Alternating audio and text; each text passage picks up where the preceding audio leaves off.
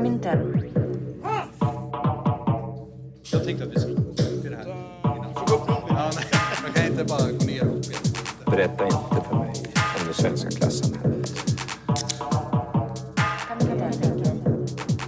Jag har sett det. Jag har växt upp i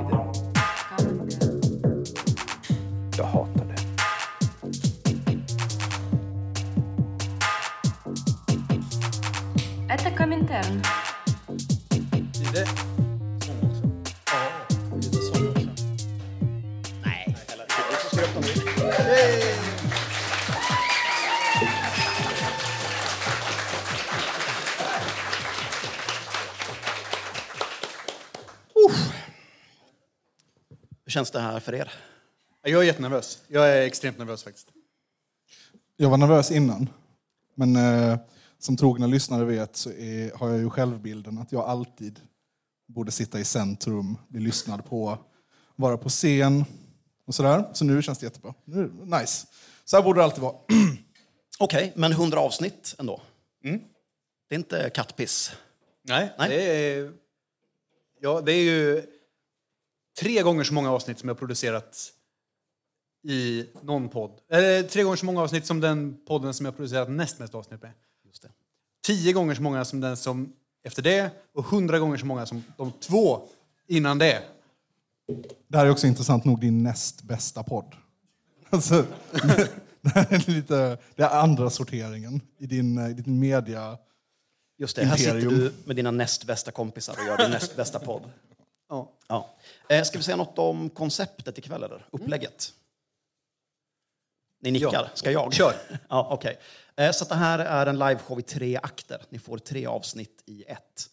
Eh, Men vi fattar ju också att ni inte pallar sitta här i tre timmar, så vi ska verkligen försöka hålla ner det lite. Och så mellan varje avsnitt kör vi någon slags öl och röka-paus. Men det här är inte en poesiläsning på Biskops Arnö, utan vill man pissa så går man och pissar, vill man röka så går man och röker. Tröttnar man på att höra mig så går man och hänger i bokcaféet i 20 minuter och sen kommer man tillbaka. Okej? Vill man, ha, vill man dra ett skämt med den som sitter bredvid så gör man det. Det är inte... Ja, gör lite väsen av er, tack.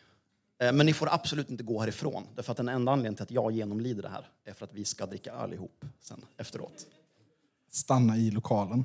Ja. Eh, Det här är också ett, eh, en, en skämtsam, eller delvis skämtsam humor, delvis skämtsamt humorprojekt. Men naturligtvis så är vi i första hand kommunister och anarkister. Det är därför vi sitter här tillsammans. Ehm, så jag vill bara innan vi drar igång eh, faktiskt göra lite nytta i världen och inte bara liksom sitta och tramsa. Ehm, nyligen så blev en eh, kamrat, eller blev en kamrat utsatt för ett övergrepp av staten, fick dörren insparkad av Säpo eh, och sitter nu i förvar. Ehm, det är en kurdisk kamrat, eller en kamrat med kurdiska rötter, som nu riskerar utvisning och brutal tortyr och mord av eh, den turkiska staten eh, för att göra vad vi kan för att förhindra att det här vidriga sker så är det en manifestation klockan 17.00 på Gustav Adolfs torg. Eh, jag tror inte att jag behöver förklara för någon här inne vilket uppenbart jävla fjäskande det är för Erdogans mördardiktatur att Säpo gör det här ingreppet i det här läget. Men dyk upp 17.00 måndag, Gustav Adolfs torg.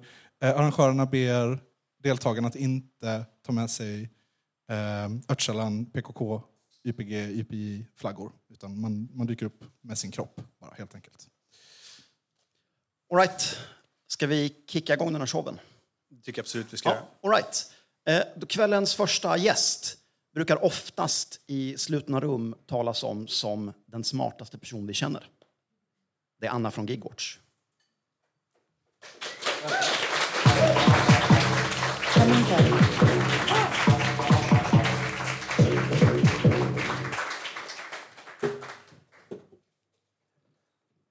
Hur mår du i det här spektaklet, Anna? Det känns som en sån Göran Persson härskarteknik när ni får mig så ur balans precis innan jag ska gå upp på scen så jag vet inte vad jag ska säga. Det är ett högt fall. Eh, Men kul att vara här. De säger att det, det hemskaste som en eh, ståuppkomiker kan utsättas för är att personen som påar säger ah, här kommer den roligaste personen jag vet. Och att det är här, ett erkänt sätt att sänka någon man tycker illa om. Precis, för nu har jag vi- ju en jättelåg ribba att leva upp till. Just det. Men du är också vår meste gäst. Ensam på toppen. Det stämmer. Eh, jag tänker att vi innan vi presenterar dagens avsnitt ska vi sätta scenen lite grann. Eh, vi befinner oss i USA 2020. Vad vet vi om USA 2020? Det var stökigt. Det var stökigt. På vilket sätt? Ja, men på lite olika sätt. Va? Det var dels eh, pandemi. Det var ju ett stök eh, som... Eller kanske ett antistök snarare. Det var hundratusentals människor dog på grund Ja, av undermålig ja. sjukvård. Ja, beror på vad man vill använda för eufemism för det. Om det är ett stök, eller om det är ett ostök eller om det är bara en, en katastrof. Eller vad, hur man vill säga. Eh, men det var ju också uppror i USA. Ja, och val. Vad sa du? Det var val också, va? eller valrörelse Ja, det var det. Ja, precis. Och sittande president, Donald Jailbird Trump. Just det. inte mitt skämt, utan ett annat, en annan persons skämt. en annan persons skämt, ja. eh, skapade, sig, eller skapade en bild av nationens fiende. Mm. Antifa. Ja. Och George Floyd mördades eh, under 2020 och gav upphov till de största protesterna i USAs historia. Just det. Det var på många olika sätt eh, stökigt. Precis. Eh, I egenskap av gigwatchare, vill du säga någonting om Amazon? Där jag har köpt den här boken. Det är bra att vi stödjer dem med, med era Patreon-pengar får jag ändå. Ehm, Amazon är ju ett eh, jättestort eh, bolag som är USA-baserat, eh, ägt av Jeff Bezos. Eh, kanske numera mest känt för att det är så vidriga arbetsvillkor att de typ kedjar fast folk i fabrikerna och de får, eller i ehm, de här lokalerna. Och de behöver pissa i flaskor för att de inte får gå på toa på rasten. Eh, men de eh, har ju också typ slagit ut all näthandel i hela USA i och med att det är så nät, nätshop. Eh, där man bland annat kan köpa böcker. Och även eh, trycka böcker, eller hur? Nu gick den röda stjärnan ner. Ja, skitsamma. Jag vill se Eh, den jag pratar med. Ja, exakt. Amazon är inte bara vidrigt, mest till 99 procent. Men det finns en god procent. Och det är att det är ett väldigt lätt sätt att själv publicera böcker. Vilket är positivt. Det är oerhört positivt. Alltså, det är fan frågan, alltså, skulle jag säga. Det är, I ett senare segment ikväll så kommer vi fortsätta spåra ut den, eh, den så här emancipatoriska kommunistiska potentialen i Amazon. Men vi, vi behöver inte begrava oss i det just nu. Men så utan någon som helst produktionskostnad så kan man som e-bok publicera sina egna snuskiga noveller helt utan distributionskostnad. Det är fritt. Det är mer eller mindre boksocialism. Och vad hänfaller de allra flesta till då? eh, snusk. Politisk tantsnusk. erotik. Vad har vi på politisk erotik? Vad är er bästa politiska erotik? Får jag bidra med min först? Jag tror att det Du kommer kanske är den enda. Jag avslöjar mig själv att jag har en favorit. Eh, jag vet inte om det kvalar som politisk erotik men ehm, den för poddlyssnaren kända Per Gudmundsson har ju pro- producerat ett eh, lyriskt alster som eh, jag vet inte om det i sig är så politiskt men det är väldigt incestuöst. Och erotiskt då såklart. Så att, så att det, liberaler skulle säga att det här, alltså LUF, Liberala ungdomsförbundet, skulle säga att absolut det här är politisk erotik. Eller? Ja, men det kan man väl säga. Så banbrytande sexuell frigörelse. En av deras kärnfrågor. Så. Att få ligga med sin bror? Eller? Jag vet, inte. Sin eh, mor i det här sin fallet. mor i det här fallet. Ah, okej, ja, ja. Precis, det ska inte staten lägga sig i. Nej, nej, absolut. Jag håller med. Bort med staten. Va- eh, Fast är inte det roliga med, med hela den här grejen att, att den här boken varken är politisk eller erotisk? Eller är det Nu- inte det som vi, som vi har kommit fram till? Eller springer jag okej, händelserna tack. i förväg? Nu har du gått händelserna lite Ja, i förväg. jag, jag rev undan den punchlinen för er. Men annars är det väl mest, tror jag, att de, den mesta svenska, 100% av den svenska politiska erotiken härrör ur Miljöpartiet. Eller hur? Vill du utveckla? Ja, men har inte både Per Gahrton och Birger Schlaug skrivit oerhört snuskiga böcker? Alltså sent 70-tal, tidigt 80-tal. Men Birger Schlaug är väl mest känd för att han har den fuktigaste överläppen av alla svenska politiker. Alltså den är så otroligt fuktig. Jag, vet, jag, skulle vilja be er att googla era, på era devices efter en bild på, på Birger Schlaug och titta på vilken fuktig överläpp han har. Det är helt sjukt. Tror ni mig inte? Vill ni att jag ska läsa? Okej. Publiken vill, vi Ja. säger varken ja Är det här Birger Schlaug nu eller, är det, Okej. eller Garton? Så året är 1980 och eh, initiativet till Miljöpartiet har precis eh, tagit, om jag minns rätt. Och Birger Schlaug publicerar en roman om en up and coming ung politiker i ett nystartat centristparti. Chris Djuradotter grät medan hon häftigt försökte plocka fram Björn Trollmans styva könsorgan. Stopp och belägg! Djuren... Ja, ja, skitsamma. Kör. Huvudpersonen, centristpolitikern, är Björn Trollman. När hon fått fram den, stel och röd, tog hon ett steg tillbaka. Men hela tiden med en hand omkring den. Sakta dragandes huden fram och tillbaka. Med den andra handen torkar hon bort tårarna. Nej, det gör hon inte alls! Jo. Det gör hon inte alls! Just när Björn Trollman känner, känner skräck för att, för att ejakulera så släpper hon greppet. Lägger istället armarna om halsen på honom och fixerar hans blick. Är det en människokuk du har, Björn? Eller en partikuk? Vänta. Ja.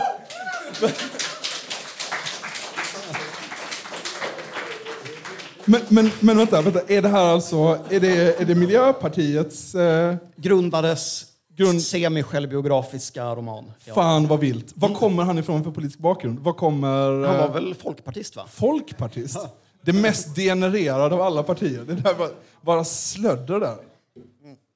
All right, men det är inte Birger Schlaug vi ska prata om idag. Utan Jessica Stranger. Ja, som har skrivit eh, My Antifa Lover. A Riot of the Heart. Jag har redan förträngt titeln så jag var tvungen att tjuvkika. Just det. Researchade du författaren någonting? Eh, nej. Det gjorde du inte. Du kollade inte vilka andra böcker hon har själv publicerat på Amazon. Det kändes som ett fejknamn, men det kanske är en produktiv fejk. Det är en produktiv pseudonym. Vad sägs om Not my president, but my lover? Get ready for president daddy. Eller min personliga favorit. Proud Boys Capital Punishment. Med undertiteln He wanted to own the libs, but now he is owned sexually. Va? Men det här är så svårgenomtänkt. Jag förstår inte riktigt var, var, åt vilket håll pekar udden i alla de här titlarna. Ska vi, ska vi syntolka också bokomslaget? Alltså jag vill jättegärna inte- syntolka det bokomslaget. Ja. Det Kör. är så flippat. Det känns som du har en grej här. eh, Anna. Ja. Om, om, om jag har. Om ja jag du har. har en grej också. Ja, ja, absolut. Men jag, vill ni... Jag kan... Okej. okej. Du, Eh, du såg så redo ut. Ja. Eh, den här, eh, ni ser alla. Eh, ni som kommer lyssna på det här i efterhand, ni ser tyvärr inte. Men, eh, så att... Eh, kammojacka och dödskallemask. Det är... Det för mig är det synonymt med en annan politisk fraktion under den här, under den här perioden. Nationalsocialist. Ja, Ja. absolut. Jag Ja. tycker att det här ser mycket mer ut som en sån eh, The Base eh, Atomwaffen eh, Division eh, Nasse än vad det ser ut som eh, någon antifascist egentligen. Vet, vet, du, vet du när jag såg en person sist på en vänsterdemo som såg ut så? Det var i Stockholm och det var så Sivarna såg ut när de skulle gå in. Så stod de fem stycken och såg ut sådär och såg extremt vilsna ut. Och så förstod de inte varför de inte fick några flygblad. Med armarna i kors. Tittade surt på alla andra. Ja. För den här mannen har ju också någon slags fiskarväst på sig. Palestinasjal och eh, kamomönstret är ju inte sånt militärmönster utan det är någon slags bostongurk-stil på det som man köper i jaktbutiker, tror jag.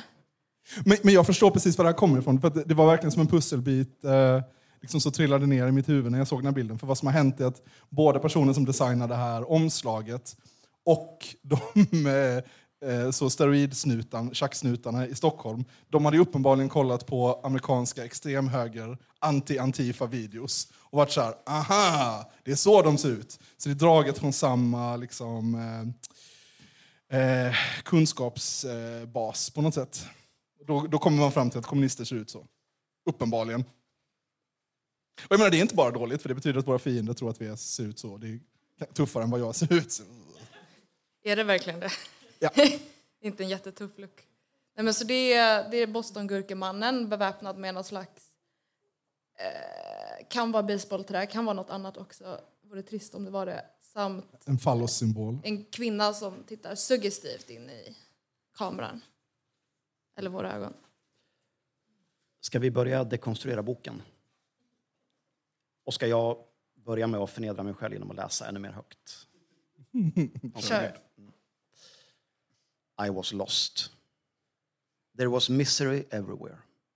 I saw fire all around me. Maybe this was the end of a beautiful beginning. And it was so weird. When you know you're about to die, you think only about the things which matter the most to you. And right now, being a congresswoman, här får vi en ledtråd, huvudpersonen i boken är kongresskvinna. Having the responsibilities of people and legislation on my head. My family waiting for me, my mother and brother. But I didn't think about them at all. The only thing I thought about and the only thing that I was concerned about was him, Chris. I should have told him that I loved him. And now, when I die, he will never know the truth. Living the very last moments of my life as my tears slipped away like my heart, I hope he knows I cared and that I believed him. Och det är början men också slutet, eller hur? Ja, precis. Och man blir ju väldigt indragen direkt i vad, undrar vad är det som har hänt. Baksidetexten säger ju att de, de träffas efter en eh, fredlig nedbränning av någon som federal byggnad som han är involverad i. Jag, jag drar mig till minnes att du, Anna, presenterade texten som ett, ett lyriskt alster. Och så, så undrar jag, vad fan? Vi har väldigt olika definitioner av det, av det begreppet. Uppenbarligen. All right. Men så man kastas tillbaka i tiden, två månader får man veta, och huvudrollen presenteras. Kongressledamot Alexandria. Och boken börjar med att hon är med om att klubba igenom en ny lag. Vill du säga något om den lagen? Ja, det är ju det, det är väl det jag egentligen tyckte var mest intressant med den här boken. Vilket spännande politiskt landskap den, den målar upp. Eller så vilken, vilken intressant perspektiv på politik. Eh, för lagförslaget handlar om att tackla de eh, skenande skilsmässosiffrorna i USA eh, som uppgår mot 80 procent under den här tiden. Eh, och, och för att göra någonting åt det Eh, så gör man det enda rimliga, vilket är ett, en ny lag som innebär att eh, män behöver betala en miljon dollar till sina fruar om de vill skilja sig. Oj. Ja. Det här orsakar såklart eh, stora protester. Framförallt då bland unga män som kräver equal rights. Och Jag vet fortfarande inte från vilket håll den här boken kommer. Alltså jag vet inte, alltså jag förstår inte. Jag kan inte riktigt... Okej, skitsamma. Jag, jag, bara, jag följer med. Jag följer med. Ja. Jag följer med. Och väldigt tidigt så träffas eh, Alexandria och en anonym demonstrant, eller hur? Därför att demonstranterna tillåts ställa frågor till kongressledamöterna. Men är den här Antifa-killen i manosfären? Och ska... Ja. Okej, så att han är en, det är en nazist? Alltså det är inte... Det är my nazi lover, eller vadå? My sexist lover? Är det, det är vad det borde igen, det vad boken egentligen borde heta? Ja, demonstranterna är slödder, såklart, som demonstranter oftast är. Men en av dem har isande blå ögon och ställer en fråga som fullständigt vänder Alexandrias liv upp och ner. Minns du frågan, Anna? Ja, eh, det, den frågan han ställer till henne är alltså hade du varit för den här lagen om du var man? Vilket hon inte för ett ögonblick har reflekterat över. Efter det vänds allt på ända och hon börjar ifrågasätta allt. Ja, och naturligtvis så träffas de typ dagen efter av en slump. Och det känns också, eller inte det, jag tänker att det kännetecknar erotiska noveller. Att det är rätt mycket rakt på.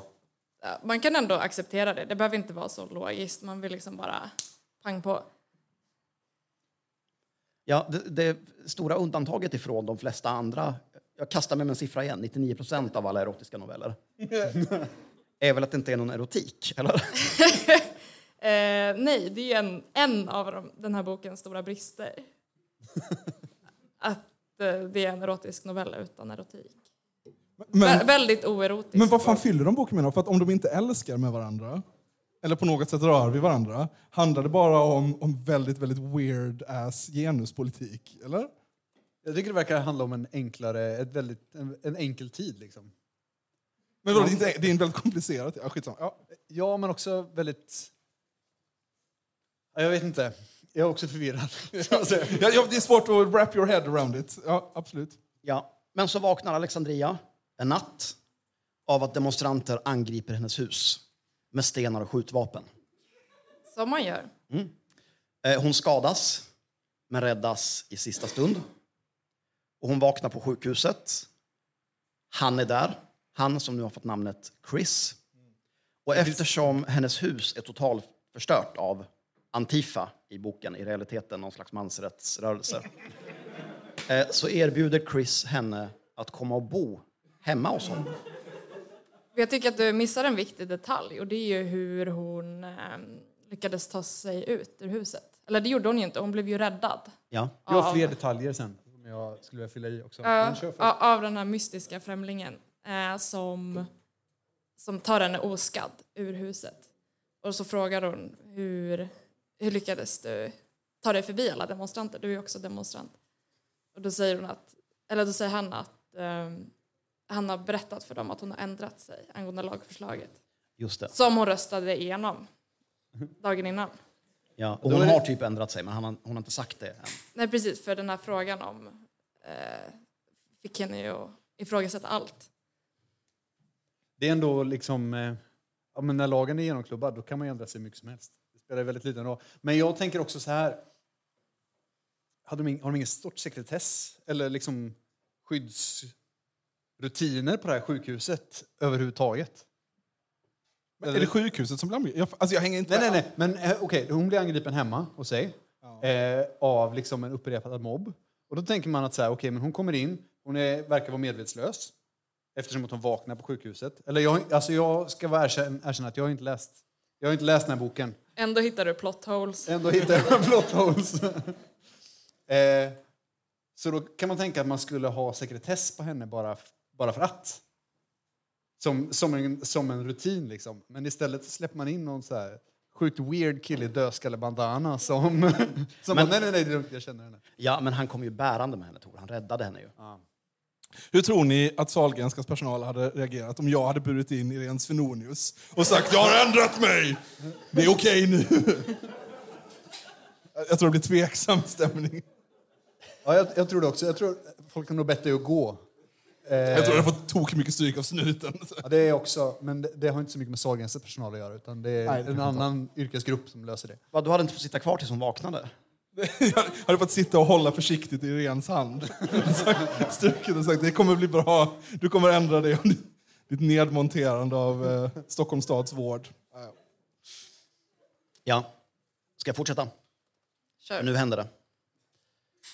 Eh, Okej, så snabb recap. Chris har burit henne till sjukhuset. Hennes hus är totalt förstört. Hon måste bo hemma hos Chris, eller hon vill bo hemma hos Chris. This was such a new feeling to me. Nobody took care of me like this before. I could sleep in his bed and he looked after me. I relied on, on him. I smiled. Being together, it was magical. I lay down on the bed after taking off my sweater. It was going to be a long week until my wounds healed. I took a deep, deep breath and laid on the bed, getting comfortable. The smell seemed familiar. I realized it was the same scent I felt last night when Chris carried me to bed. Och sen så ligger de inte med varandra. Men de blir däremot fruktansvärt kära. Och hon lovar att hon ska göra allt i sin makt för att stoppa den här fruktansvärt orättvisa lagen. Som hon har röstat igenom. Som hon har röstat igenom redan. Men det är ju lite som en förståndshandikappad människa försöker skriva en bok om genus och klass. Eller hur? Alltså det är, det är så här, å ena sidan så är det typ så, en sån jätteförvirrad eh, du vet så, eh, man och svär-grej. Åh nej, men eh, kan inte skiljas utan att betala en miljon. Och sen å andra sidan är det den här diffusa Antifa-stämpeln som bara handlar om underklass i allmänhet mot den här rika människan, eller hur? Eller det är min känsla. Alltså, så, så att det är en full människa som inte vet någonting om politik som försöker skriva om genus och klass. Eller? Vad tror ni om den tagningen? Jag tror att det är en välvillig... Jag tror att det är välvilligt Är jag tolkat. generös? Jag tror att det är väldigt, väldigt generöst faktiskt. Min teori är att det är ett barn som har skrivit det här. Vilket eh, känns väldigt logiskt på många sätt. Det förklarar både varför det inte är sexuellt mer än liksom någon väldigt så diffus romans. Eh, och förklarar den väldigt märkliga förståelsen av vad politik är eh, och hur det fungerar. Och det förklarar varför den har samma längd och samma disposition som en gym- gymnasieuppsats. Också. Just det. Men det är också, Gaspar, för att du inte känner till den stora vändningen i boken. Okej, förlåt, jag talade för snabbt. Är ni beredda? Är du beredd, Anna? Ja, jag Det är nu stor vad litteratur. Vad bryter ut från sidorna? Ja, du kanske vill dra den? Eh, Jag kommer inte ihåg vad det är. Det kändes inte som en stor vändning. när Så jag stor var den inte. Menar du att du gav upp efter 45 sidor? Jag har läst hela. Okej, så av en slump springer Alexandria på Chris en dag i kongresshuset. Men de bor Vad tillsammans gör också. han där? Varför är han där? Det är det som är det konstiga. Just det, det här kommer jag ihåg. Men det var så jävla konstigt så jag har också bara förträngt det. Typ. Ja, för det visar sig att han är son till hennes stora motståndare. Kongressledamot Benedict. Benedict Wilbur, eller hur? Ja, Men tillhör de, skriver de ut vilka olika partier de tillhör? Eller är det bara, är det bara diffus politik? det är bara diffus kongresspolitik. Okej, ja. Det visar sig att han heter inte Chris heller. Allt har varit en slug plan för att ta sig så nära henne som möjligt och stoppa lagförslaget. Men det har ju redan röstats igenom. Eller? Det är... Eller? Och, och de springer på varandra av en slump. Men de, de bor ihop. De bor tillsammans. Ja. Ja. Båda råkar befinna sig i kongresshuset samma dag, där hon arbetar. Men då har han inte dödskallemasken på sig utan sin kostym? Ja, han är civilt klädd. Mm. Eh, Men då gör Chris det mest romantiska, för hon bryter såklart med honom. Säger att hon vill aldrig se honom igen. Det här tänker hon inte gå med på. Hon vänder om lagförslaget igen. Men då gör Chris det mest romantiska en man kan göra. Avancerad och utdragen stalking. Kommer du ihåg hur boken slutar? Eh, Den slutar som den börjar. Precis, det, det slutar väl med att eh, hon, hon får ett samtal från sin sekreterare att det är ett extrainsatt möte i en övergiven byggnad. Som man Eh. givetvis går på. Som hon givetvis går på så här i någon... eh, Nej, men sluta boken med att han Avlägsen. mördar henne. För det är fruktansvärt. Jag undrar genuint. Men Boken slutar med att Alexandria, precis som den började, vaknar i ett brinnande hus och är övertygad om att hon ska dö. Men då byter boken till Chris perspektiv. Coolt grepp. Ja, eller? Någon har gått på sin skrivarkurs. Någon har tänkt till. Byta perspektiv, absolut. Det är inte han som har kidnappat henne. Han har visserligen stalkat henne, GPS-chippat henne, förföljt henne under veckor. Rimligt sätt att visa sin kärlek. Ja, men bara för att han vet att det finns en hotbild mot henne. Eh. Och tack vare att han har gjort det så kan han rädda henne ur det brinnande huset. Men vilka, vilken liksom, politisk entitet är det som har kidnappat henne? Då? Är det den onda delen av manosfären? Eller är det... Eh, ja, det är det nog. Eller? Det är framgår inte. Jag, jag får med inte Wilbur, hennes motståndare. Ah, det är Chris pappa? Eller, ja, okej. ja. Som har sett dem upp. Precis, som hatar henne nu för att han, han är ju för det här lagförslaget som hon också var för tills en vecka sedan. Men, men det här är ju skrattretande, men alltså, det är ju 100% bara det här är ju bara Twilight fast har satt, alltså det är inte vampyrer utan Antifa och sen är det en idiot som har skrivit det. Det är ju inte så mycket, det är ju inte mer än så tänker jag. Eller? Eller så är, det, är, jag, är jag rå här mot eh, den stackars författaren? Nej, det är en väldigt dålig bok. Det är en ohyggligt dålig bok. Hur tror du att den slutar? Att de blir kära, kanske flyttar till Bahamas eller Hawaii eller något sånt. Och vad tror du händer med lagen? Eh, Jag antar att den blir skrotad. Ja, Ja. exakt så som du beskrev det slutar boken. Den slutar lyckligt. Det slutar med att de gifter sig när de har varit tillsammans i två månader. Vilket också stödjer min tes om att det är ett barn som har skrivit den här boken. Och det är också det mest erotiska inslaget i hela boken. Att de, De rör vid varandra. De ja, Eh, Min take är att den är skriven av en man. Det tror jag inte. Det tror du inte? Du tänker barn, ett kön. Barn har inget kön. Ett icke-binärt barn har skrivit boken. Men Jag håller fast vid förståndshandikappad. Det här är de sakerna vi klipper vanligtvis i avsnittet. Eller så här, vi skickar ut dem. Men ja. Men jag undrar, är den skriven av en dator? En dator hade nog stavat rätt. Ja. Bra poäng. Eh, Men det här är en, det är en fruktansvärt illa skriven bok. Vi läste den som ni slipper. Men, men jag, det finns någonting i det här självpubliceringsverktyget som jag tänker att den har sålt jättebra. Ja, alltså det, den har ju många nedladdningar på Amazon och ganska många recensioner. Och i recensionerna kan man ju se att det finns två tydliga skikt. Eh, folk som har läst boken och folk som inte har gjort det innan de recenserar. För de som har läst boken är väldigt missnöjda över att den inte innehåller någon sex. Ingen Antifa. Inget nedbrännande av kongressbyggnader som utlovades. Den innehåller liksom ingenting av det man läste den för. Medan de som inte har läst boken eh, är väldigt inne på det här med att det är en Antifa soyboy som blir peggad av eh, någon. Och skriver långa fanfics på det temat i recensionerna. Så då kan man alltså säga att de reaktionära icke-läsarna har, har skrivit en bättre bok än i sina huvuden. Liksom. Så objektivt mer äggande, intressant och kanske till och med progressiv. Absolut. Ja, några sista takes på den här skitboken.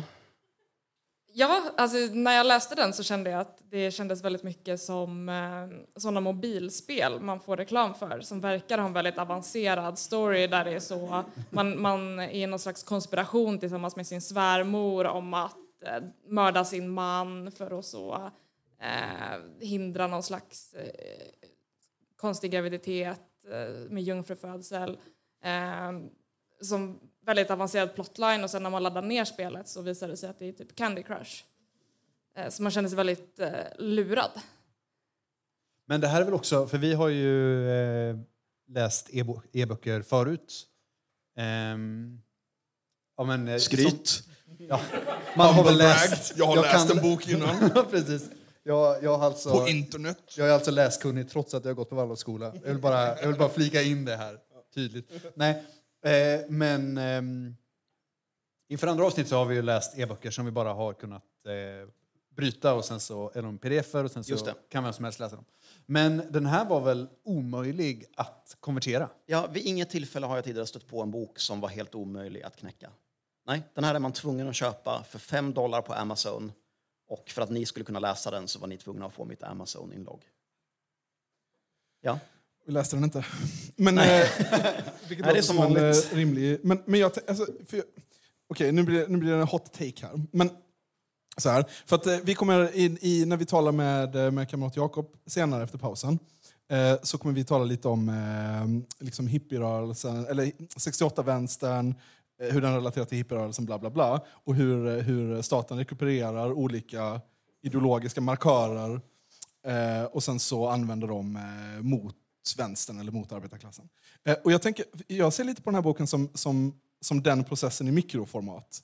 För här plockar de upp liksom markören Antifa och sen så, eh, eh, så drar man, suger man ut allt politiskt innehåll men behåller Fyller man det bara... med motsatt politiskt innehåll? Ja, ja precis. Ja, men man, man behåller, man behåller liksom de, eh, eh, de, alltså så, den, ide, den ideologiska delen. Så, eh, utseendet, orden. Men man suger ut allt innehåll och sen så skjuter man ut det i kulturen och på det sättet så eh, avväpnar man eh, så våra begrepp, eh, våra vapen, vårt sätt att kämpa. Liksom. För att man kan ändå tänka sig en, eh, alltså nu, nu är det här ett särdeles jävla korkat exempel, men jag menar, ett lite mer raffinerat en lite mer raffinerad författare skulle kunna skriva My Antifa Lover och sen så skulle man kunna tänka sig att man läser den boken och sen blir man äcklad av begreppet antifascism, liksom, eller antifa. Därför att eh, det blir kopplat till en sån vidrig, schmaltzig kärlekshistoria. Liksom. Så på något sätt är det ändå, man kan ju skratta gott åt den här boken så, för att den är så, det är ett så fruktansvärt dåligt exempel på det. Men jag tycker ändå att det är en, ett, eh, ett väldigt handfast exempel på när, hur kapitalet eh, rekupererar eh, våra ideologiska verktyg och våra termer och våra symboler och sen så vänder de emot oss eller gör dem meningslösa. Så, nu sa jag något på allvar om något väldigt tramsigt. Det är en sån cultural appropriation av... Ja men typ, ja, det ser jag. Det ser jag. Det är våra Bostongurke-tröjor. Jag kan aldrig ha en Tar- Boston Gurka-tröja igen, jag kommer känna mig jättedum. Det var 35 minuter, hörni. Ska vi säga att det var del ett, eller? Ja. Vill du plugga något, Anna? Har inte ni släppt en rapport nyss, till exempel? Det har vi i och för sig. Jag vill absolut inte plugga, men jag, jag har faktiskt läst rapporten. Den är, den är ganska kort och lättläst och informativ om eh, vad de svenska partierna står i fråga om gigekonomi. Om man är intresserad av det inför valet så kan man läsa in sig. Schysst. Eh, tusen tack för att du kom. Tusen tack för att ni kom. Vi tar 10. 10-15, Right. Rök, ta en öl. Ciao! gå och kissa.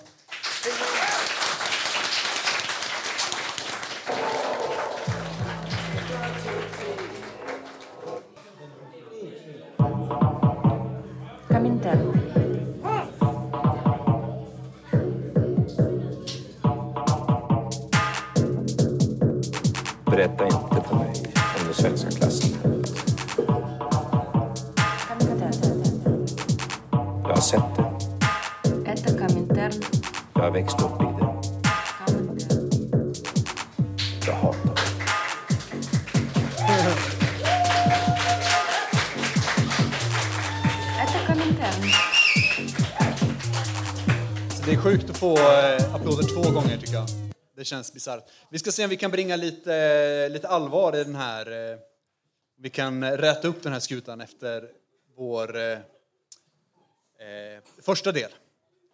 Eh, Har vi tramsat klart? Nu har vi tramsat klart. Nu är det dags för... Ja, men nu kommer det bli lite mer allvarligt faktiskt. Tungt tankegods. Ja. Ehm, ja, känns det så här efter första? Det känns bra. Ja, jag, är, jag är redo att leverera tungt tankegods. Ja. Jag, eh, det känns också ganska bra. Men vi har en ny gäst. Eh, det här är ju inte bara Kominterns eh, så, live, eh, liveshow, utan det här är ju också Gigwatch-poddens liveshow. Eh, så nu Inte så, officiellt vill jag bara säga. Du vill bara distansera dig själv från mig. Jag, det. så vår, eh, vår andra gäst för dagen är Jakob från, från Gigwatch. Välkommen!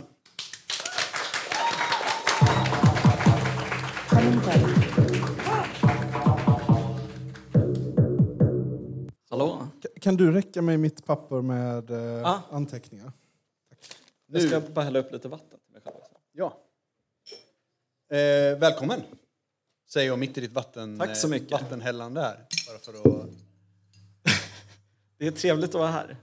Ja, det är trevligt att ha dig här. Eh, du är också en frekvent gäst.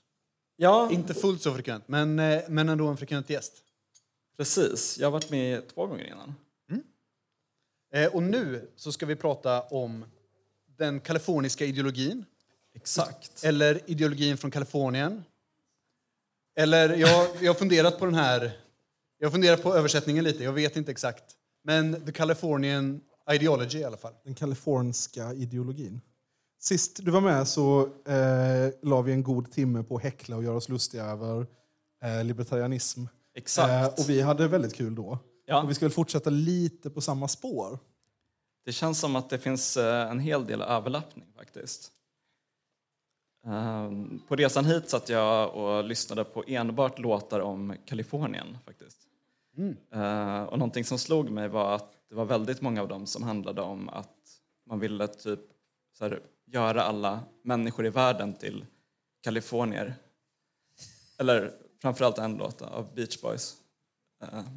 Som handlade om att man önskade att alla tjejer i världen skulle vara Kalifornien-tjejer.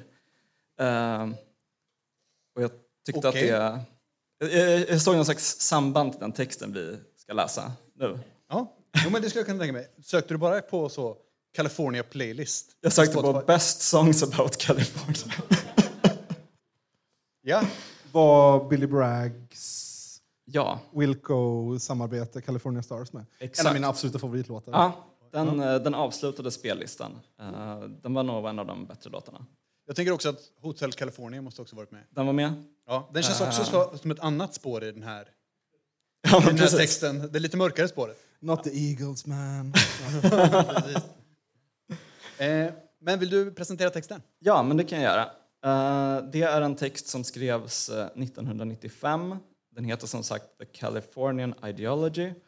Eh, den är skriven av två medievetare som heter Richard Barbrook och Andy Cameron. Eh, Jag känner inte igen namnen från någonting annat. Det kanske är lite one hit wonder, den här texten. Men den har fått ganska mycket liksom, uppmärksamhet och så under årens lopp. Mm. När jag skulle researcha den här texten så, så eh, tänkte jag att jag skulle hitta annat, eller hitta liksom fler analyser av vad det här fenomenet är för någonting. Och då så blev jag hela tiden, när jag, när jag sökte på The Californian Ideology, då blev jag hela tiden liksom tillbakavisad till den här texten och olika människor som ja, men pratar om den här texten och vad den handlar om och så. Mm. Så jag tänker att det är lite ett, ett begrepp som är, som är myntat av de här två personerna. Ja, men precis. Eh, och eh, det som de beskriver i texten är ju eh, liksom hur det ur den här liksom, teknologiska utvecklingen och kanske också polit, liksom världspolitiska Sovjetunionens fall, historiens slut inom citationstecken som folk har pratat om. Um, ur det här så har det växt fram ett liksom, nytt, vid den tidpunkten då, typ kluster av så här, eh, ideologer. Eller man kanske snarare kan säga att det är ett kluster av liksom, skribenter, konstnärer, programmerare och såklart också liksom, kapitalister och investerare. Um, och Um, det som utmärker de här är väl att de på något sätt kombinerar de här två genrerna av person. Hippie, yuppie. Ja, precis. Ehm, Vad man brukar kalla för jippies på 60-talet. Ja, precis. Ehm, Var det också en blandning av hippie och yuppie? då, Ja, eller? men Ja. jag får för mig att de var, som ändå var en progressiv rörelse under den tiden. Vi ska gå in lite mer på, på det i ett senare skede. Vi kommer att prata om, om hippies, vi kommer att prata om science fiction och vi kommer att prata om ja, men. Nazisterna. ja, och, och techdystopi. Liksom. Exakt. Men jag måste, säga, innan vi, innan vi går djupare. Alltså, eh, det tog mig ju ändå 10-15 sidor av den här 20 sidor långa texten innan jag... Eh, alltså när jag på riktigt trodde att den här, ah, men den här är skriven på 10-talet någon gång.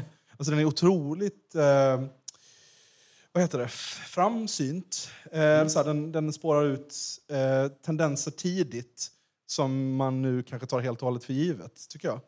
Absolut. Ja. Jag var också sen på att förstå att den här texten inte är skriven nu och tyckte att, så här, att de hade missat viktiga saker i den. Men det var bara därför att de här sakerna hade inte kommit när den här texten skrevs. När Man- var den skriven? 95. 95. Har vi inte Man, man, man märker ju att den är eh, skriven för länge sedan först när de kommer in på så här, vad alternativen till den här eh, ideologin skulle vara. Och då börjar de snacka om någon så här alternativ CD-ROM typ. Ja, men precis. Bara, hmm. Men, men vi kommer dit lite senare. För jag tänker att vi ska, vi ska ta avstamp i den här texten. Och vi ska ta avstamp den 15 maj 1969 Ja, eh, i Berkeley. Då, är det, då har man ockuperat vad man kallar för People's Park som är ett område ganska nära universitetet i Berkeley, UCLA, eller UC Berkeley. Eh, och vid den här tiden, 69, så är det Ronald Reagan som är eh, guvernör i Kalifornien. Hans liksom, eh, politiska bana börjar ju där. Och det är en tid som är ja, men, polariserad väldigt mycket. Mellan liksom, det gamla det gamla konservativa 50-tals Amerika med ett litet vitt staket och en Chevrolet och hemmafru och två och ett halvt barn och kanske en liten hund och jag jobbar på, på industrin. Liksom. Och på något sätt liksom eh, en tid där det fanns en där det på något sätt fanns en, en eh, ekonomisk trygghet det känns som allt det här är sånt som SD vill typ ta fram igen nu. Liksom. Det är deras... Det amerikanska folkhemmet. Ja, men Ja, om vad man kallar, liksom, eller vad, vad den tidens vänster kallade för the straight world, eller the square world på något sätt. Liksom. Ja, men precis. Det var, handlade inte så mycket om otrygghet i vardagen, liksom, utan det handlade om en mördande tristess. Att så här, det här samhället, gå till kyrkan på söndag, typ... Ja, allt kändes bara extremt, extremt tråkigt. Två barn, hund, eh, en välklippt gräsmatta. Och det var också ett skifte i vänstern kan man väl säga. Mellan liksom the old left and the new left. Eh, Att det är så här, vi vill inte ha, för den här vänstern som kommer, eh, som, alltså, den var ju väldigt universitetsbunden. Alltså, det är ju 68-vänstern vi pratar om, som vi pratade lite om att rehabilitera förut. Men eh, den är knuten till universiteten på ett väldigt tydligt sätt. Liksom. Och Ronald Reagan kallade ju eh, UCA Berkeley för a haven for communist sympathizers, protesters and sexual deviants. Vilket känns som ett gött ställe att vara på, skulle jag säga. Inte helt olikt det här rummet. Bara fler, många fler. Eh, men då hade man i alla fall eh, ockuperat People's Park. Man ville ta en del, en bit land och man ville göra någonting annat av det. Det här var liksom som en del i, i 68-rörelsen. När man tänker tillbaks på den nu och det här var något som vi diskuterade ganska mycket förut. Vill du dra din, eh, din tanke kring det, Gaspar? Ja, det skulle jag kunna göra. Jag vet inte, har vi sprungit ifrån eh, manusen? Nej, det har vi inte. Vi har Nej. helt rätt. Du, du har stenkoll, det är jag som sitter själv. Det är on manus. Mm, nej, för jag läste den här texten och sen så tänkte jag, okej.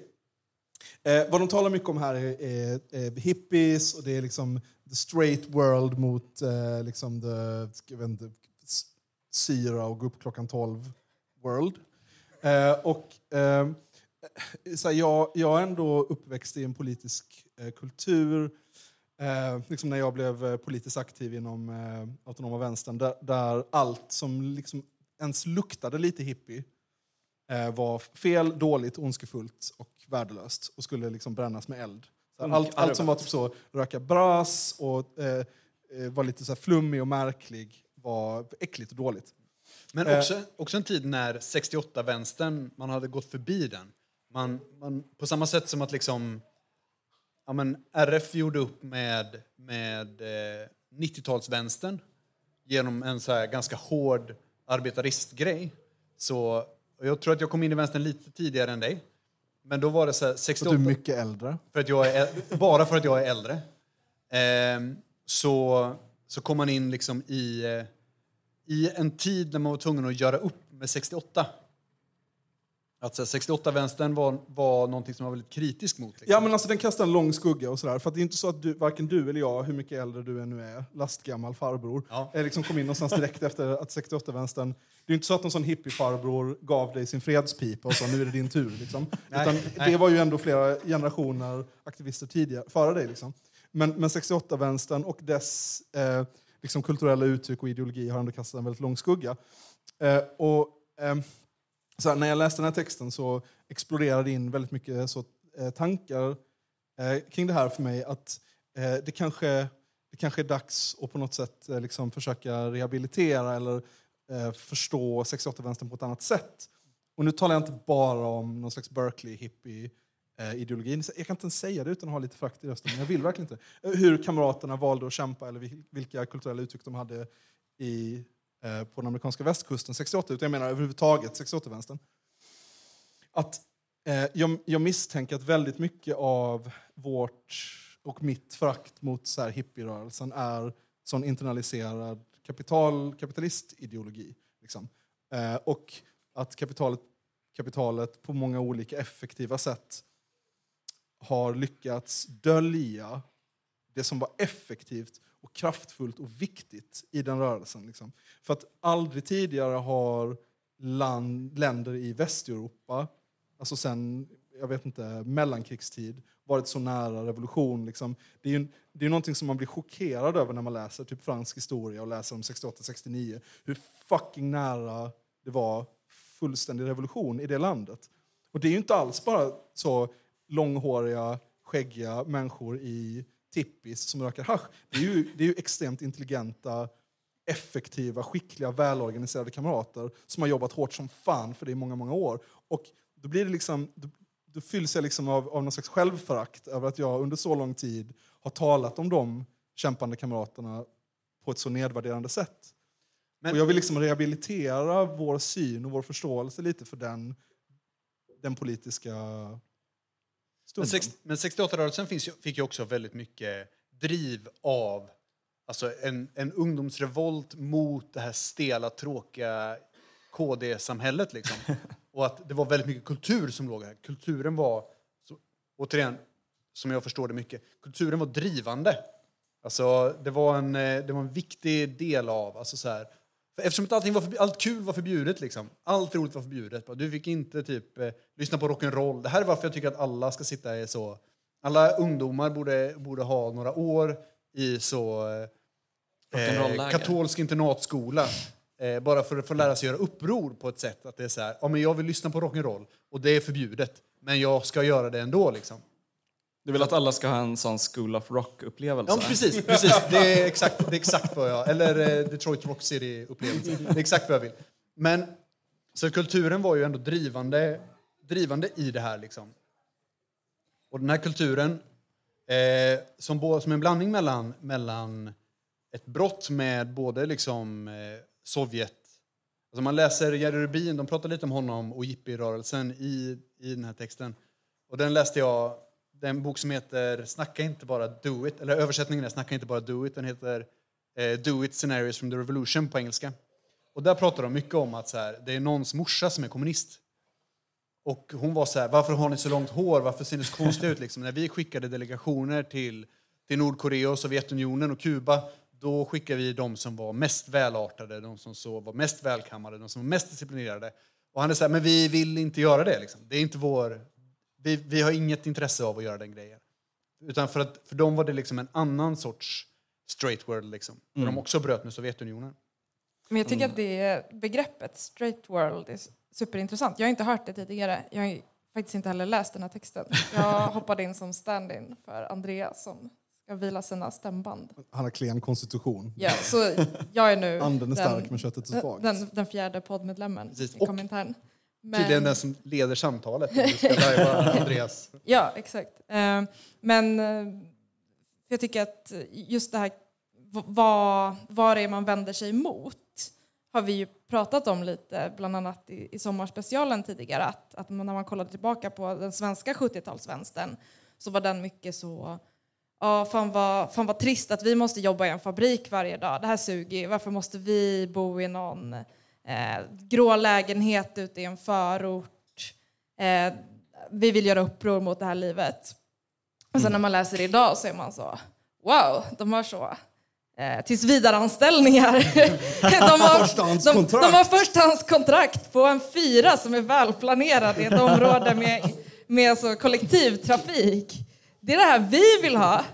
Och så blir det så, vänta, är, är det, vad, vad är det vi vill ha e- egentligen? Eller att, man- verkligen blir liksom inlurad i att, att, jag vet inte, det, det kanske var det du var inne på Gaspar, just att vad, vad man styrs att sträva mot. Liksom. Ja, det, är en, det, är en, det är ett jätteintressant spår.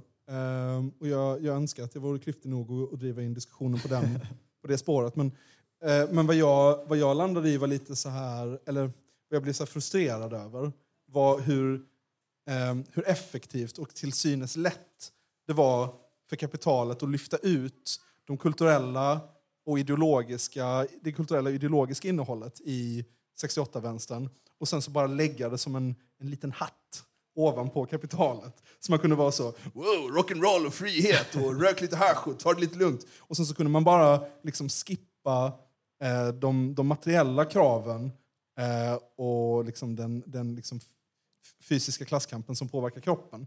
Och, och då, om jag får vara lite podd fyra här, så leder det oss rätt in på den här texten. Men, För den exakt. handlar ju jättemycket om det. Ja, precis. Jag tänker att vi ska, för nu vill jag vara poddfyrare. Eh, och förlåt. jag tänker att vi ska suga lite på den karamellen och fortsätta prata lite grann om, om Berkeley. Mm.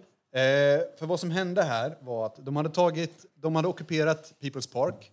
People's Park blev ett jätteviktigt eh, projekt bland annat för eh, Panterrörelsen.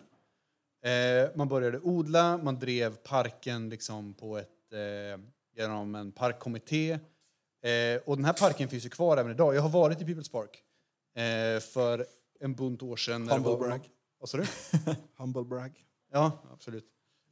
Men, och nu är det väldigt mycket en tillflyktsort för hemlösa i Bay Area. Liksom.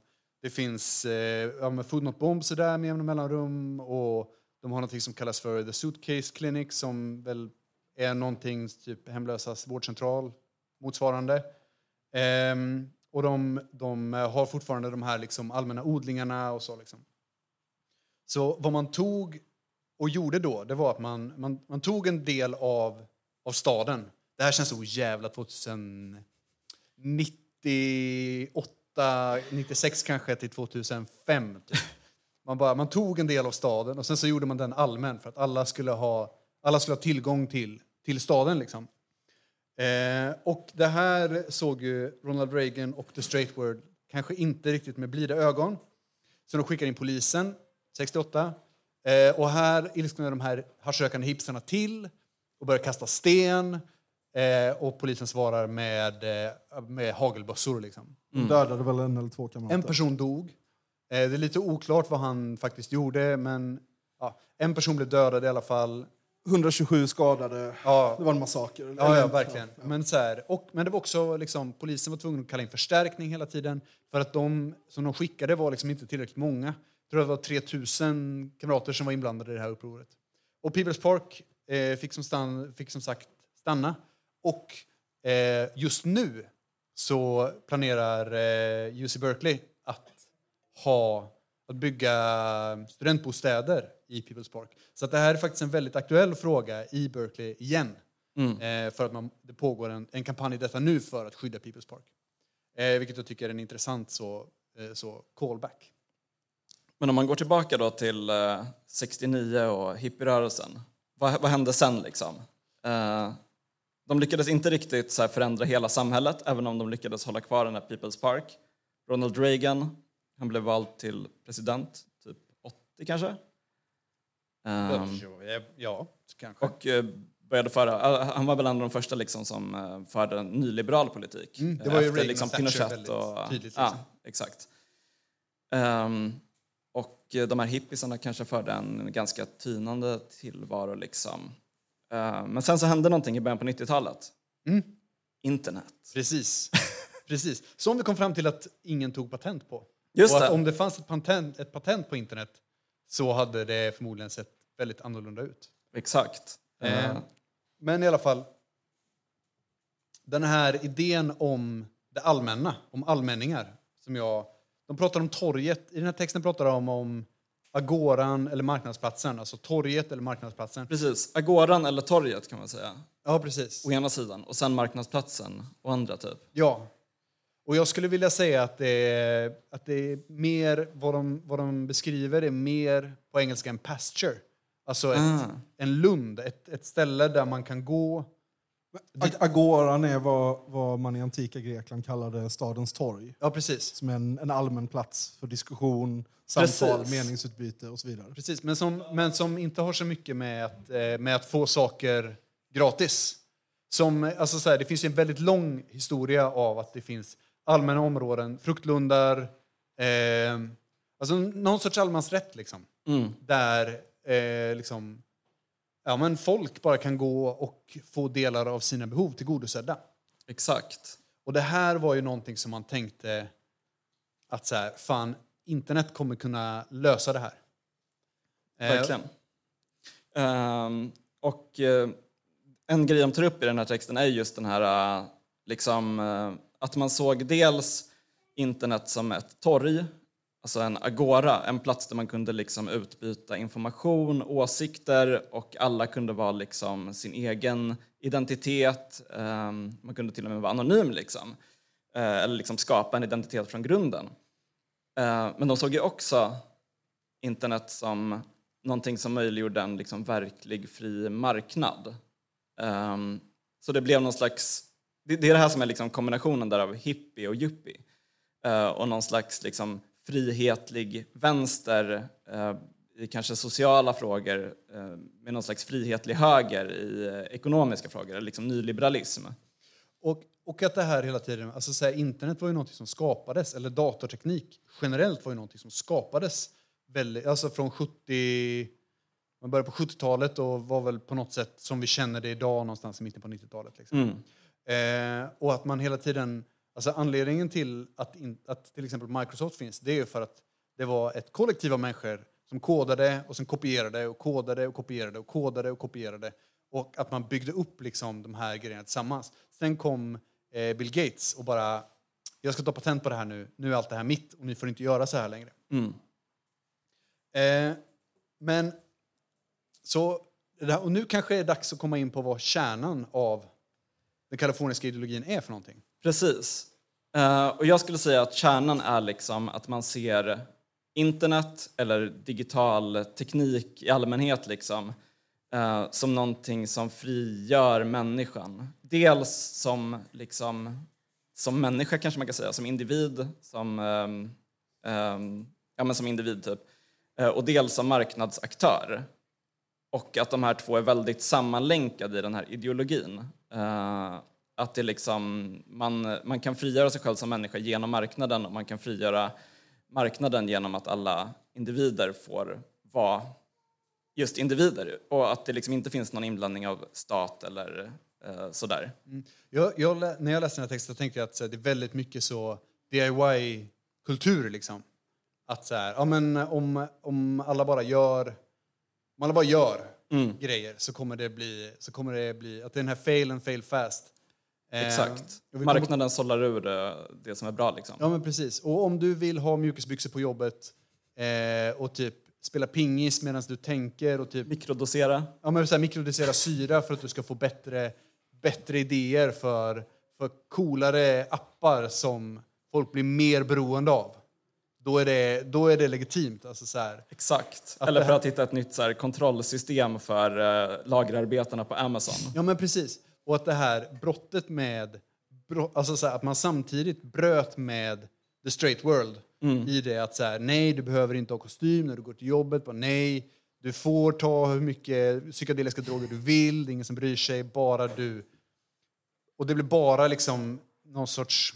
Jag vet inte ens om det är identitetspolitik eller... Det är mer en kosmetisk... Ja, Men, men jag- Amazon har ju sin pyjamasdag också då alla men- kommer men- till lagret i pyjamas. men min tagning är lite så här, den här, liksom, kanske en, en sån trött, eh, kanske lite platt sån autonomist eh, tagning. Att, eh, för, att, för att kapitalet skulle kunna driva igenom den sortens eh, liksom arbetstempo som den ville ha och skulle kunna skapa den formen av arbetare som, den, som kapitalet behövde, eh, så använder man sig av eh, det, de eh, eh, liksom politiska och ideologiska grepp som man identifierade som ofarliga. Och när jag säger man så menar jag hela tiden så kapitalets osynliga hand. Bla bla bla. Det är inte någon människa som sitter och tänker ut det här. Liksom. Eh, utan det är så här historiska eh, processer. Eh, men, men liksom att man tog så här, bara, ah, men, okej, men om, om folk får ha batiktröjor och röka lite brass så pallar de jobba 16 timmar om dagen. Om, folk, om folk har idén om sig själva som att de faktiskt hjälper världen genom att vara apputvecklare så kommer de fortsätta utveckla appar även på sin fritid när vi slipper betala dem. Om folk hela tiden har drömmen om att de jobbar inom en high-tech-sektor som kommer låta dem liksom, eh, på något sätt bryta sig fria från sitt tråkiga eh, fabriksarbete på Amazon. Och då, då, då kommer de fortsätta gå till jobbet, de kommer inte söka ett nytt jobb, de kommer inte strejka. Liksom. Så, att- så att kapitalet tog bara eh, liksom, eh, eh, den ideologiska, det ideologiska skummet från hippierörelsen, använde den emot arbetarklassen och lyckades skapa en helt vansinnig så Frankensteins monster-ekonomi som, som nu håller på att liksom sprida sig över, eh, inte hela världen, men ett, ett utvalt skikt av Precis. arbetarklassen i hela världen. Precis, för det här är, de identifierar ju en ny klass i den här texten, den virtuella klassen, som är typ grafiska designers, apputvecklare. Det här är de som i guide till galaxen blev skickade, bara iväglurade och skickade bort till en ny planet, som råkade vara jorden. Ja, vi behöver inte gå djupare in i det skämtet. Men, men grafiska designers, eh, typ musiker i viss utsträckning, apputvecklare, konstnär, alltså så här, folk som... Content creators. Precis, precis. Det är, ja, men så här, det är nog Jag är inte den bästa- arbetare, jag är content creator. Därför behöver jag inte organisera mig i facket. Nej men precis. Men, Essentiellt. och, så, här, och du får, alltså så, här, så länge du tillhör den här klassen så får du ha en klättervägg på kontoret. Det är lugnt. Du får, gå, du får gå och träna, du får spela pingis, du får bygga lego. Bara du får bättre idéer till hur du, hur du lättare ska kunna tjäna pengar åt företag som du jobbar åt. Samtidigt så måste det ju finnas folk som inte får lämna sitt löpande bandsjobb på en stor fabrik i Kina för att gå och, och klättra på en klättervägg eller spela pingpong. Liksom. Och du får inte, absolut inte lämna din station på ett Amazon-lager. För du tillhör inte den här klassen. Jag tycker att det tydligaste exemplet på det här, på vad den här klassen är och vad den här ideologin är, det är Burning Man. Och det blir också en sån väldigt tydlig eh, kontrast mellan, mellan People's Park och eh, det upploppet 69 och vad Burning Man är idag. Eh, och jag var tvungen att youtuba, eftersom att jag har ganska få kontakter med hippierörelsen. Jag var tvungen att youtuba lite vad Burning Man är för någonting. Och då var det olika så solbrända människor från Kalifornien som berättade hur härligt det är att en vecka om året bygga den här stan som de bygger, som en, en stad och ett konstprojekt i samma. Eh, som har en ekonomi som bygger på gåvor, meningen att du ska ta med dig, ta med dig allt du behöver, du ska ta med dig eh, ta med dig extra så att du kan ge bort till andra. Det är ingen som bryr sig om hur du klär dig, det enda du behöver är egentligen typ eh, ja, men så att du inte fryser på kvällen och eh, skidbriller så att du inte får damm i ögonen, för det här är i, i öknen. Och sen får du ha ingenting på dig, eller du får bara ha så här kristaller, eller du får vara klädd i, utklädd till en Bumbibjörn, eller du får ha vad som helst. Liksom. Bostongurka-hoodie. Ja, men Boston, du får ha en Bostongurka-hoodie och en dödskallebandana. Liksom. Det, det kommer vara lugnt. Det är ingen som kommer bry sig om det. Det är liksom den totala friheten, den här liksom, den, ja, men på något sätt en, en, en bild av vad en anarkistisk värld liksom.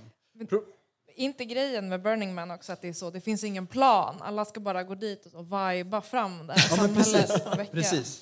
Eh, problemet är att en biljett till Burning Man kostar utan resa, och det här kollade jag upp för några dagar sedan, 6 684 kronor för att kunna delta i den här, eh, bara inträdet för att kunna delta i den här, vad det nu är för någonting. Lägg till kostnader också för kopiösa mängder DMT. Precis, du måste ha jättemycket droger, du måste ha droger till dig själv och du måste ha droger ge bort. Eh, och sen så måste du kampa och så måste du ta dig dit och så. så det, det är ju en ganska, alltså globalt sett så är det en väldigt liten grupp människor som kan ta sig till den här festivalen. Och det är nog också en, en ganska liten grupp som egentligen är intresserade av att droppa svinmycket syra och bygga ett jättestort liksom Wickerman-tempel där de tyvärr inte bränner en polis i slutet. Men, det- men det är som en perfekt symbol för hela, hela grejen. Mm, jag tycker det är träffande. Verkligen. Men, men eh, jag, jag tycker också det, det är intressant att ställa det mot två andra festivaler. Woodstock 68, eh, som, som ger någon slags eh, kulturell eh, high point för, för liksom hippierörelsen. Eh, där det samlas tusentals människor och har en, en god festival och typ, jag vet inte, knarkar och super tillsammans. Eh, och jag Cape vet- Town. Nej, men, ja, eh, men, ja, det var inte så nice. Men, eh, men, men och det kan man säga vad man vill om. Jag vet inte hur jävla politiskt så progressivt det var. Men, men, men att ställa, det finns en, en skit eh, eh, dokumentär på Netflix just nu som handlar om, om Woodstock 99. De ska försöka göra samma sak. Eh, fast det är, det är lite samma människor som arrangerar den. Eh, Men det finns också helt plötsligt väldigt starka så kapitalintressen som också ska gå in och tjäna en hacka. Och sen så samlar de 250 000 ungdomar, eh, kräver att de ska betala 50, 60, 70, 100 spänn för en flaska vatten. Och sen så istället för Jimi Hendrix och eh, jag vet inte, Bob Dylan så är det Korn och Rage Against the Machine som spelar. Och de bara fucking bränner ner hela skiten. Liksom. De bara bränner ner hela festivalen och slår sönder allt. Eh, När var och- det här? Och vad var det för festival? Woodstock 99. Ah. Eh, skitfett. Eh, jätteintressant dokumentär ur ett klasskampsperspektiv. Också spännande att genom hela dokumentären så talar de om the evil anarchists som var de som faktiskt startade kravallerna och förstörde allting för de fina ungdomarna som bara var lite irriterade på att det inte blev så bra festival. Men de, nämner inte Rage. Against the Machines spelning som spelar på den stora scenen för 200 000 pers och bara brände en amerikansk flagga på scen och sa “Kill all cops!” liksom, ja, Det är en kul eh, det är en parentes bara. Jag rekommenderar. Det är, det är så här, om man är intresserad av kulturkritik så är den dokumentären supervärd att se. Men du nämnde två festivaler. Är den andra festivalen Fire Festival? Nej, den andra festivalen tänkte jag var... Eller den, jag ställde två, de två Woodstocksen mot varandra. Ja. Vi I och för sig i, kändes den senare festivalen lite som en Fire Festival fast med fler personer kanske. när så Woodstock 99 var, var såna Chad bros i bara överkropp som typ begick olika sexuella övergrepp, söp skitmycket och slog sönder allt. Alltså det är inte en vacker, alltså det är inte, typ så, inte ens i den finaste autonomistglasögonen på så är det en fin händelse. Det är fucked up! Men alltså det säger någonting om vad som händer när man fullständigt slår sönder en, en arbetarklass, ger den väldigt lite utrymme och sen så bara pumpar i den en massa alkohol och droger och spelar jättearg musik. Liksom. Så det är, Farlig kombo. ja, uppenbarligen. Jag funderar på, ska vi prata om digitala allmänningar och, och eh, ett samhälle utan brist och sånt nu, eller ska vi vänta lite med det? Vi har tjatat i en halvtimme. Ja, det jag tänker men att, jag eh, tänker att vi fortsätter en stund Ja, det ska vi absolut, absolut. Jag ville bara ha det sagt. Yes. Ska vi snacka lite om ehm, ställningen idag för den eh, kaliforniska Ja. ideologin? Det blir svinbra.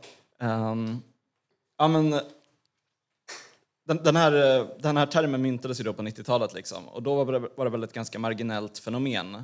Ehm, men sen under liksom 00-talet, 10-talet så har ju eh, Eh, en massa liksom techföretag kommit som har blivit några, eller de, de kallar sig själva techföretag. Eh, det är inte alltid helt klart att det är just teknologi som är själva produkten, får man ju inflika. Eh, Men många av de här företagen har blivit liksom bland de högst värderade i världen eh, och är värda otroligt mycket pengar. Eh, Och eh, jag skulle säga att många av dem passar in i den här liksom visionen som de målar upp av eh, liksom idén om eh, personligt självförverkligande och ekonomisk liberalism i någon slags kombination. Vill du ge några exempel på vilka företag det rör sig om? Ja, men typ alltså alla sådana, Google, Facebook, ehm, vilka finns det mer? Amazon. Alla har ju liksom spår av den här eh, idén. Det är hela Silicon Valley. Ja, precis. Alltså Amazons slogan är väl så här, work hard, have fun eller något sånt där. Eh, vilket känns väldigt liksom... är motsägelsefullt. Ja, precis. Men också sammanfattande av den här ideologin. Och den, det, det som Um, jag skulle säga har skett under liksom 00-talet, 10-talet är ju just att man har sett uh, att den här ideologin är väldigt motsägelsefull. Uh, och um, jag skulle säga att liksom gigekonomin är väl det tydligaste exemplet på det. Um, vilket vi vet mycket om i Gigwatch. Liksom. Det är ju det vi uh, sitter och läser om hela dagarna. När vi sitter och läser olika så eh, inte snuskiga erotiska noveller Ja, men exakt. med dubiöst eh, politiskt innehåll. exakt, och, olika och Anna kombinerar båda. Precis, vi har olika inriktning på våra poddar lite grann. Men, men på vilket sätt tänker du att det syns att det är motsägelsefullt i gigekonomin? Jo, men där är det ju här att de här företagen marknadsför sig själva med att eh, vi erbjuder alla ett, eh, ett, ett väldigt flexibelt jobb, vi erbjuder frihet, eh, det är någon slags självförverkligande för du är en entreprenör, du är inte anställd, eh, alla kan liksom skapa sin egen fortune. Ehm, Men sen Men- egentligen är det ett matbud. Typ. Ja, Som exakt. Jag skulle säga att det som gigekonomin och liksom mycket av techsektorn i allmänhet har visat, även Amazon, liksom, det är att teknologin inte är ett verktyg för att liksom, skapa en mer rättvis värld, utan det är snarare ett slags verktyg för att um, dölja väldigt exploaterande arbetsvillkor under någon slags liksom, eh, hinna eller fernissa av uh, liksom självförverkligande och någon slags nästan hippie-grej. Um, och uh, alltså, jag skulle säga att grunden är så här att om man har den här visionen av att marknaden ska leda till allas självförverkligande eller någon slags rättvisa ehm, då hänger det lite på att man lever i ett samhälle utan typ rasism, sexism och andra orättvisor. Liksom. För att det som händer på Uber till exempel, det är att de kanske har någon så här reklam där det står Uber säger Black Lives Matter. Ehm, men när man kollar på hur deras business fungerar så ser man att till exempel liksom, rasifierade eh, förare har i snitt ett mycket lägre medelbetyg. Eh, det finns liksom, rasismen finns på något sätt inbakad i hela affärsmodellen. Eh, men de kan fortsätta säga att liksom, de är antirasister för att de tar inget ansvar för förarna eftersom de bara säger så här, vi erbjuder bara en plattform, vi erbjuder bara en marknadsplats där man kan sälja och köpa tjänster. Ja. Vi är bara techbolag, vi är inte Exakt. ett taxitransportbolag. Exakt. Utan vi, vi jobbar med teknik. Ja, men precis. Jag skulle identifiera, eller liksom eh, illustrera är ordet jag söker. Jag skulle illustrera den här, eh, alltså styrkan i, i den här ideologin lite med vad den har krossat för någonting. Mm. Och eh, ett av de största, liksom, det som fanns kvar av den, eller det, ett av de största så, um, uttrycken för vad som kunde ha varit är, eh, eh, i min mening, är Pirate Bay. Eh, för att helt plötsligt, alltså så här, skulle du få tag på eh, film, musik, dataspel, så var det gratis. För det gick bara att kopiera. Det fanns, alltså helt plötsligt så fanns det inte någon brist. Alltså vi levde inte längre i ett kulturellt digitalt bristsamhälle. För det Ja. var bara att kopiera allting. Du kunde bara kopiera och kopiera och kopiera. Det fanns, ingen, det fanns liksom ingen, ingen, eh, inget slut liksom. Eftersom att det är så digital, digitala produkter fungerar. Ja, men verkligen. Eh, och, eh, och man försökte gå batongvägen, man försökte liksom kriminalisera det här. Jag minns alla de här videosarna som man fick, dels när man hyrde film, men också ibland när man laddade ner film. Att You wouldn't download a car. Ja, precis. Bara, you wouldn't steal a purse. Och man bara... bara, du skulle aldrig sno en film. Men, men... ehm, Och batongvägen fungerade uppenbarligen inte. Alltså så här, För att det var, det- var så jävla utbrett. Alla, alla som överhuvudtaget konsumerade konsu- eh, kultur liksom, använde sig av Pirate Bay. Allt fanns, allt var gratis, det var svinbra. Liksom. Och det är inte så att Pirate Bay är borta, liksom. det, utan det, finns ju, det finns ju i allra högsta grad kvar. Liksom.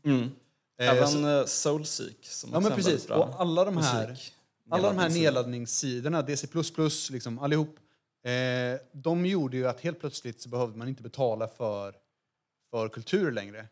Eh, kapitalet försökte med, eh, med liksom brottsrubriceringar, men den liksom tekniken för att spåra upp och lagföra folk, den var inte så avancerad under den här tiden. Och då, Tiden är väl liksom 00-talet egentligen väldigt mycket prat om 00-tal för en, eh, någonting som egentligen grundar sig 68 och som är störst nu. Typ.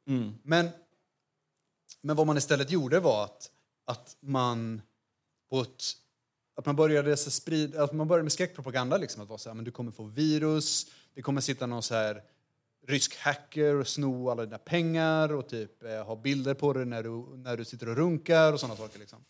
Som du kan använda emot dig. Eh, men istället, så här, om du betalar... Det är inte så att du behöver köpa skivor hela tiden, du behöver inte köpa alla skivor, utan om du betalar typ eh, eh, 150 spänn i månaden så kan du få all musik du vill. Om du betalar eh, typ ja, men 180 spänn, då kommer du få eh, allt som HBO har gjort. Om du betalar yada yada så kommer du få alla Star Wars-filmer, för att de finns på Disney++. Nu är det så här, kamrater. Att eh, vi har fyra minuter kvar på vårt inslag. Vi sa när vi planerade det här inslaget att vi skulle försöka avsluta med en positiv vision. Och tidigare under kommer- det här samtalet så sa jag, gud vad tråkigt att eh, kapitalet lyckades ta alla olika typ så, emancipatoriska och fina och progressiva och revolutionära delar av hippierörelsen och vända den emot oss. Här tycker jag att man kan se ett misslyckat försök, men ändå ett försök med, som kom någon vart av arbetarklassen och ta någonting kommunistiskt eller anarkistiskt och kräva det av kapitalet. Det vill säga, vi ska ha gratis kultur. Och vi kom inte hela vägen, vi kom till Netflix. Där Eh, man fick, eh, för 150 spänn i månaden fick man ganska mycket skräp. man fick ganska mycket skräp. Och ni, kära lyssnare, har fått ganska mycket tungt tankegods. Men jag kommer vilja dra över det här. Är, känns det okej för folk? Nej, kan för jag ni- är skitkissnödig och ganska full. Men gå och kissa då, så får du komma tillbaka sen. Det är, det är den sortens, eh, det är den sortens eh, podd idag. Hårda bud. Får jag, får, jag, får jag säga en grej på temat eh, alternativ liksom? Ja. Ehm, Jag vill prata om science, eh, science fiction också, Just det. lite grann. just Om det. jag får. Det Ska kommer jag, inte... ska jag ta min först eller vill du prata sci-fi först? Jag kan ta min först. Kör din först. Eh, alltså en grej som är eh, lite intressant i det här är ju att ehm, ehm, den, den kaliforniska ideologin går ut på den här idén om att ehm, internet möjliggör någon slags helt avreglerad fri marknad. Men det man ser i eh, hur de här techföretagen agerar det är snarare att liksom, teknologin används för att eh, liksom styra och planera extremt mycket. Och på de värsta sätt man kan tänka sig. Liksom. Att man typ trackar hur någon går i Amazon-lagret eller eh, exakt eh, vilket betyg en Uber-chaufför har. Ehm, men det är verkligen någonting som går emot den här eh, visionen om att det ska vara någonting helt liksom fritt. Eller trackar allting man googlar på. Ja, exakt. Och då är frågan liksom, kan man använda det till att skapa någonting som eh, är eh, motsatsen till en eh, helt fri marknad? Eh, men alltså, men, skulle- men som inte är då... Man skulle kunna använda teknik, teknologin till att ha en planerad ekonomi. Ja, det- precis. Det, är det här det, är är det jag någonting fiskar efter. Ja, precis. Det här är något som har gjorts. Nu har det här projektet eh, nu har fallit ur mitt, min, mitt medvetande. Alltså det här chilenska Det chilenska projektet. cybersyn. Eller, Cybersyn. Som var så här, vi kan använda de här algoritmerna till att veta exakt vart det finns vart det ska finnas, eh, vart det kommer behövas penicillin, vart det kommer behövas olika livsmedel och så. Ja, men precis. De hade väl någon så här extrem typ så här retrofuturistisk eh, liten central där det satt typ så här sju pers i några... Jättemärkliga stolar. Ja, exakt. De finns, jag tror att bilden finns på vår Instagram faktiskt. Ja, nice. Eh, men finns det... För, för vi har ju pratat lite om så här, vad eh, olika alternativ... Det finns ju ett, en, och det finns ju såklart en reaktion på det här. Som Ja. kommer från, inte från, inte från arbetarklassen eller från vårt håll, utan från högern. Ja, exakt. Eh, alltså, som jag var inne på tidigare så har det liksom... Uh, alltså, till exempel gigekonomi gör det ju uppenbart att den här ideologin inte fungerar riktigt utan att det finns en motsägelse i den. Eh, och det här har ju vänstern liksom identifierat länge. Det, det är det de gör i den här artikeln. Den är väl skriven från ett vänsterperspektiv liksom, på något plan. Ja, typ. Det är ganska, det, deras förslag på lösningar Exakt. Är, är ganska lama, men ändå. Men nu har ju även liksom högern insett att, eh, att det inte går att ha liksom, dels den här fria marknaden och dels eh, någon slags självförverkligande för alla människor oavsett eh, kön eller ras eller sådär. Eh, det som har kommit på senare år är ju att högern har börjat, eller vissa delar av högern har börjat kritisera någonting som de kallar för liksom woke-kapitalism. Ehm, som är så här, eh, alltså basic-idén Alltså det här är någonting som typ så här, Ivar Arpi och Per Gudmundsson, eh, där kommer han tillbaka igen, eh, har skrivit en del om. Eh, och de menar ju att det liksom finns någon slags wokeism som förstör den annars eh, hälsosamma kapitalismen genom att typ så här, ha inkvoteringar och sånt. Vadå, så, så så- de vill liksom ja. frikoppla den kapitalist, den liksom eh, nyliberala superfrimarknadsdelen från den här eh, liksom progressiva delen av den kaliforniska ideologin. Så de, de tittar på kapitalismen och är så, okej den, den behöver mer rasism. Den är, inte, den är inte tillräckligt rasistisk. Jag Det är exakt det de jag tänker. tänker att de tittar på Chile 75 och bara sådär. Så där ska vi ha det. Det kommer, bli, det kommer, vara, det kommer vara nice. Ja, men precis. Och det finns ju till och med så här högerteoretiker som är lite så här fringe och konstiga men som ändå typ har en del inflytande. Eh, som Nick Land, eh, Curtis Jarvin, eh, som förespråkar någon slags så här, typ decentraliserad techmonarki. Eh, Jajamän. Undrar, vem- alltså, undrar vem som har varit vår, vår tech-knug? Någon så lite fumlig, gud. eh, dyslektisk, eh, äldre person som har ärvt typ, makten över internet. Jag tror att eh, Jakob Rudbeck från Jepster Ja, gärna skulle jajamän. vara Sveriges techknugg. Jajamän. Eh, men det här tycker jag är intressant. De pratar en del i den här eh, texten om en författare som heter Robert Heinlein. Jag läser mycket science fiction. Jag tycker väldigt, väldigt, väldigt mycket om science fiction. Och eh, under en period för kanske tio år sedan så läste jag jättemycket Heinlein. Och då började jag med att läsa en bok som heter Starship Troopers. Som på något sätt är en, en förlaga för satiren, då, filmen som kom 98 vill jag säga. Mm. Men boken är inte alls så antifascistisk som filmen är, utan boken är bara det här med rymdfascism. Det är fan det bästa som finns. det måste vi ha. Alla som inte har varit med i olika imperialistiska krig, ingen av dem får rösta. Vi ska ha typ, alla ska vara med i the mobile infantry och typ döda folk hit och dit. Det är bara först då man liksom värdesätter, eller det är först då man typ kan så här, ta ansvar för staten, jada, jada, jada. jada. Det är bra att slå hippies också. Det finns en ganska utdragen scen där de typ bara nitar ett gäng hippies. Eh, men han har också skrivit en bok som heter The Moon is a harsh mistress. Han har skrivit mycket böcker. Eh, men han har skrivit en bok som heter The Moon is a harsh mistress. Eh, som är liksom en libertariansk bibel, typ.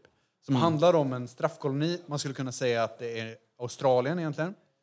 Eh, som sen via vänskapen mellan en man och en dator eh, gör uppror mot jorden då som är. Det är någon sorts eh, allegori för amerikanska frihetskriget och revolutionen och dit och datt. Liksom. Eh, men där är det ju en helt fri... Där finns det ingen stat, det är en fri marknad. Det är liksom...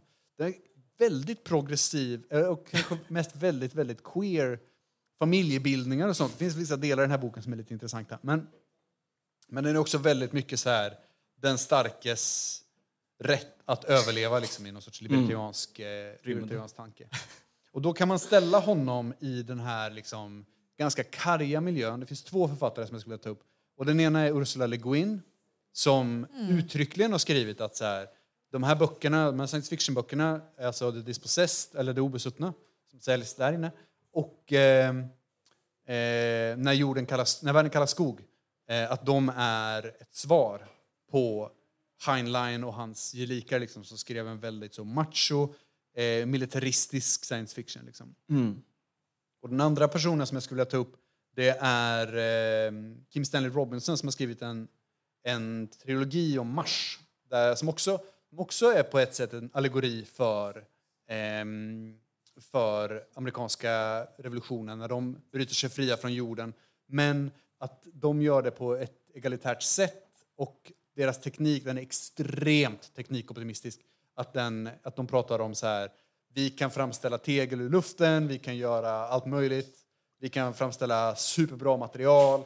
Så att de liksom kommer förbi, de jobbar i en post alltså i en efterbristsmiljö liksom bara för att deras ingenjörskonst är så briljant. Liksom. Och jag tänker att de två är, är liksom lite de olika delarna av den här ehm, eh, tron på internet. Liksom. Mm. Jag vet inte vad jag vill komma med det, mer än att jag vill prata om science fiction, för det är ett av mina så, favorit. Jag har en sak jag vill komma med. Ja. Ett. Jag har, jag har mycket vuxendamp. Det är jobbigt att sitta ner så här länge. Nu, har vi, nu har vi trasserat 50 minuter. Ja. Två. Demokratisk centralism. Vi sa 45 minuter. Okej. Men vi kan inte... Tre. Tre. Jag tycker det börjar tunnas ut i leden längst bak. Det är dags, det är dags att rappa ihop det här Ja, nu. men ska vi ha några avslutande ord om det här ämnet? Innan vi springer av scen. Jag vill dissa eh, den här, deras eh, lösningar. Ja, Som så, verkligen. många, som så många andra såna här böcker, man, man, eh, man eh, ritar upp ett problem, man har en väldigt så här, en god förståelse, en bra problemanalys. Och sen så när man ska komma till, till eh, liksom, framförallt med amerikanska författare, när man ska komma till, till vad man ska göra istället så blir det alltid socialdemokrati. Med appar. Med appar. I det här, i det här fallet så är det någon sorts cybersocialdemokrati. Det är extremt underväldigande. Det är jättetråkig läsning. Eh, Ja, jag kan bara hålla med. Ehm, Det är en väldigt intressant text, men eh, ja, deras alternativ känns ju otroligt daterade och eh, som mycket an- andra alternativ eh, i, i, som presenteras i den här kontexten är de ju väldigt så typ tech-sossiga. Ja. Men vad ska vi ha istället? Vad, vad har vi för... eh, Nej, nej, du- du har sagt det den sista. Du har sagt den sista. Nu är det din. Jag vill prata om ett projekt till. Ja, men det kan du göra med mig sen. Ja, eh, tack för det här samtalet. I Fuck the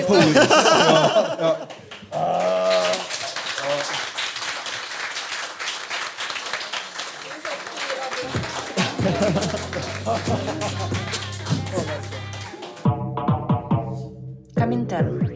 Ah.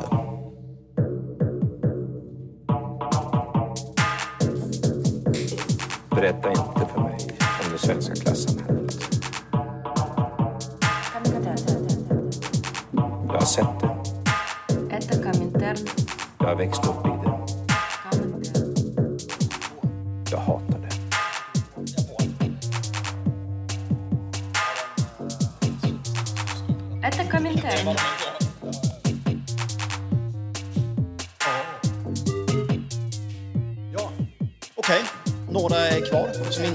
era pojk eller flickvänner.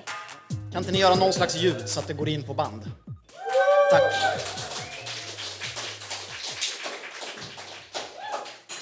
Jag tänkte när vi, innan vi började att jag skulle säga att jag vill att ni lyssnar som ni brukar lyssna. Men jag vet inte, hur, hur lyssnar ni? När lyssnar ni?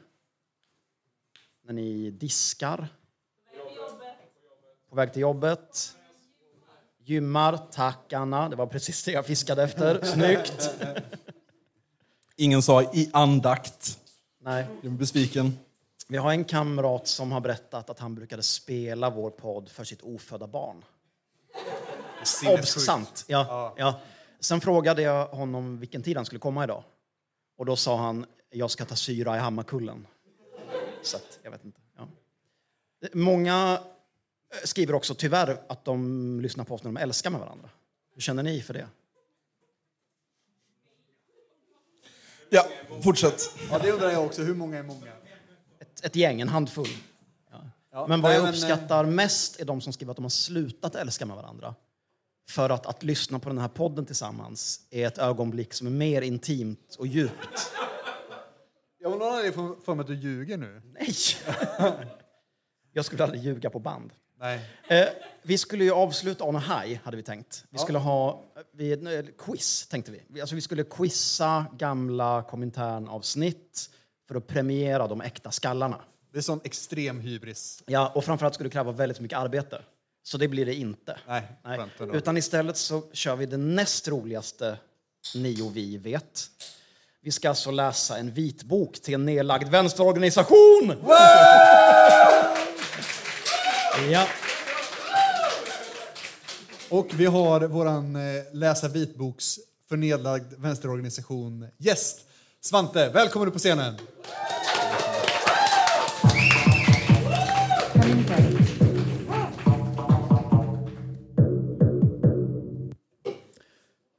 Tack, det känns bra att vara här. Hur mår du Svante? Du har ja. suttit igenom ett tag nu. Ja, men eh, jag känner att peppen är på en all time high nu. Ja. Bra. Um, jag var lite rädd att, att eh, du också skulle ha så somnat efter min eh, så, eh, entusiastiska tidsöverdragning. Lyssnade entusiastiskt på den. anarkister. Eh, ni, som lyssnar, ni som lyssnar i podden nu, syntolkning. Jag blåser av ett tjockt dammlager från en eh, lunta papper. Jag lägger av mina runda glasögon, ställer en astmainhalator på bordet. Så är vi igång, va? Visst är han mycket snyggare än ni föreställer er? Eh, ska vi... Det kommer ett quiz i slutet, det kan jag lova. Ja. Ska vi ge någon slags bakgrund till organisationen först, innan vi tar upp vitboken? Ja, alltså vi gjorde ju den här Vi lär av historien-specialen två somrar. Eh, 2020 och 2021 och då tänkte jag att det är väl dags att ge skallarna någonting här på jubileet också. Eh, lite internt så kallar vi det för Vitbokspodden. Det gjorde vi. Eh, och grejen var att det fanns då en vitbok som vi inte visste om att den fanns. Som kom ut efter vår special. För vi fick ganska mycket så, varför gjorde ni inte det här, varför gjorde ni inte det här? Mail efter den första, framförallt den första eh, sommarspecialen. Eh, Vi hade ju avsnitt fyra, juli 2020, med Per om eh, folkmakt. Då nämndes det lite i, som en fotnot eh, om en organisation som var en föregångare. Eh, FAM, Förbundet Arbetarmakt. Eh, Jag ska inte förolämpa våra lyssnare med att tro att ni inte känner till den här till punkt och pricka, men bara för att dra en kort resumé om någon mot förmodan. Ja. skulle ha missat eh, denna proletariatets episka eh, föregångsgäng så har vi då Förbundet Arbetarmakt som bildas 73. Eh, ger ut en tidning med samma namn. Eh, de bildas under parollen Vi är små men överjävliga. Eh, de håller på i sex år, till 79. De hinner ha nio kongresser, jag vet inte riktigt hur det gått till. Men, eh, eh, 79 läggs de ner, de fanns i Stockholm, Göteborg, Jönköping. De tre bästa städerna. E4 väg 40. Så. Bra Exakt. knutpunkt. Eh, Jag förberedde såklart en liksom lång uppspaltning av eh, politisk bakgrund, organisatorisk bakgrund och sådär, men jag tror inte att det är läge ikväll. Va? Så vi säger lite kort att de är anti-leninistiska marxister. Just det, men det är en brytning med anarkismen, eller hur? Så Så börjar det de. finns minst en splittring med liksom Ja, ja, anarkiströrelsen. ja, absolut. Det är första av många. Eh, De är rådssocialister, så de tänker sig att socialismen kommer via arbetarråd, inte via partier. De är mot partimakt och byråkrati. Eh, Vissa kanske känner till dem för en text som skrevs som blev lite känd som heter Sex, auktoritet och KFMLR som handlar om att eh, ärrarna var, och väl kanske är, ganska homofoba. Syntolkning, publiken nickar igenkännande. Ja, ja, ja. Även panelen. Eh, Jag kan tänka på det sista jag kan säga för att presentera dem är eh, en serie som publicerades i deras tidning eh, som säger rätt mycket om deras syn på FAM, som jag kommer att kalla dem, FAMs roll. Eh, Klasskampen är som ett tåg. Eh, Palme står och bromsar tåget. Eh, Lite längre bak så springer trottar Förbundet Kommunist, som minnesgoda lyssnare kommer ihåg, eh, och VPK och bråkar alla om att få styra tåget. Frank Både står framför tåget och babblar.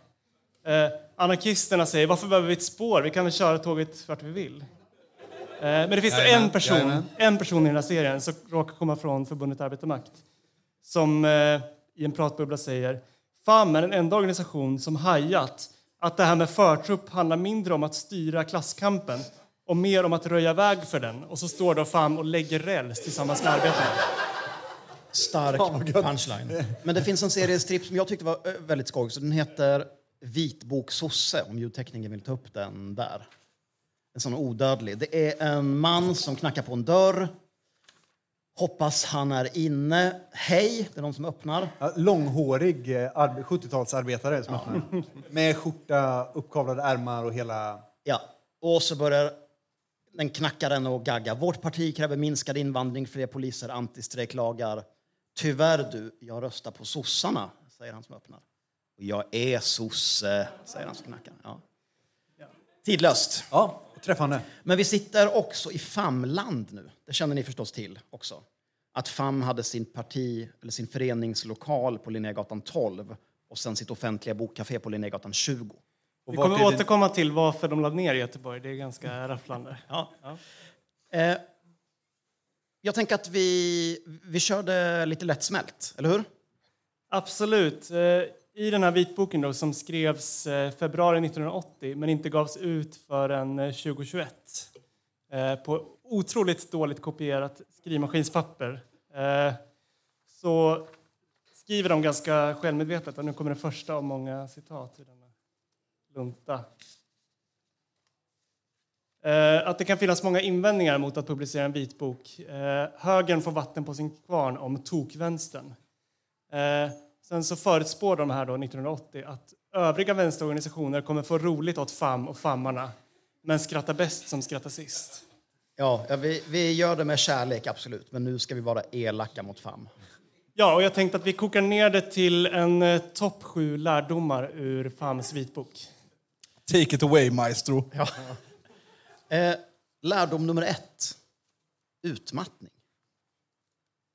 Underrubrik. Jag sniffade tinner en gång i somras. Ja, här har man ju varit. Så, ja, Okej, absolut. Ja. Precis. Eh, Vi hoppar rakt in i det hela. Eh, Det är några år in på förbundets bildande. Eh, Några medlemmar skriver då i internbulletinen om något de kallar för elefantsjukan. Ej att förknippa med apkoppor. De skriver att det finns en grundläggande skillnad mellan vad vi syns vara och vår egen uppfattning om vad vi är och vad vi verkligen är. Det är Eh. ett sånt eh, Facebook-mem nu.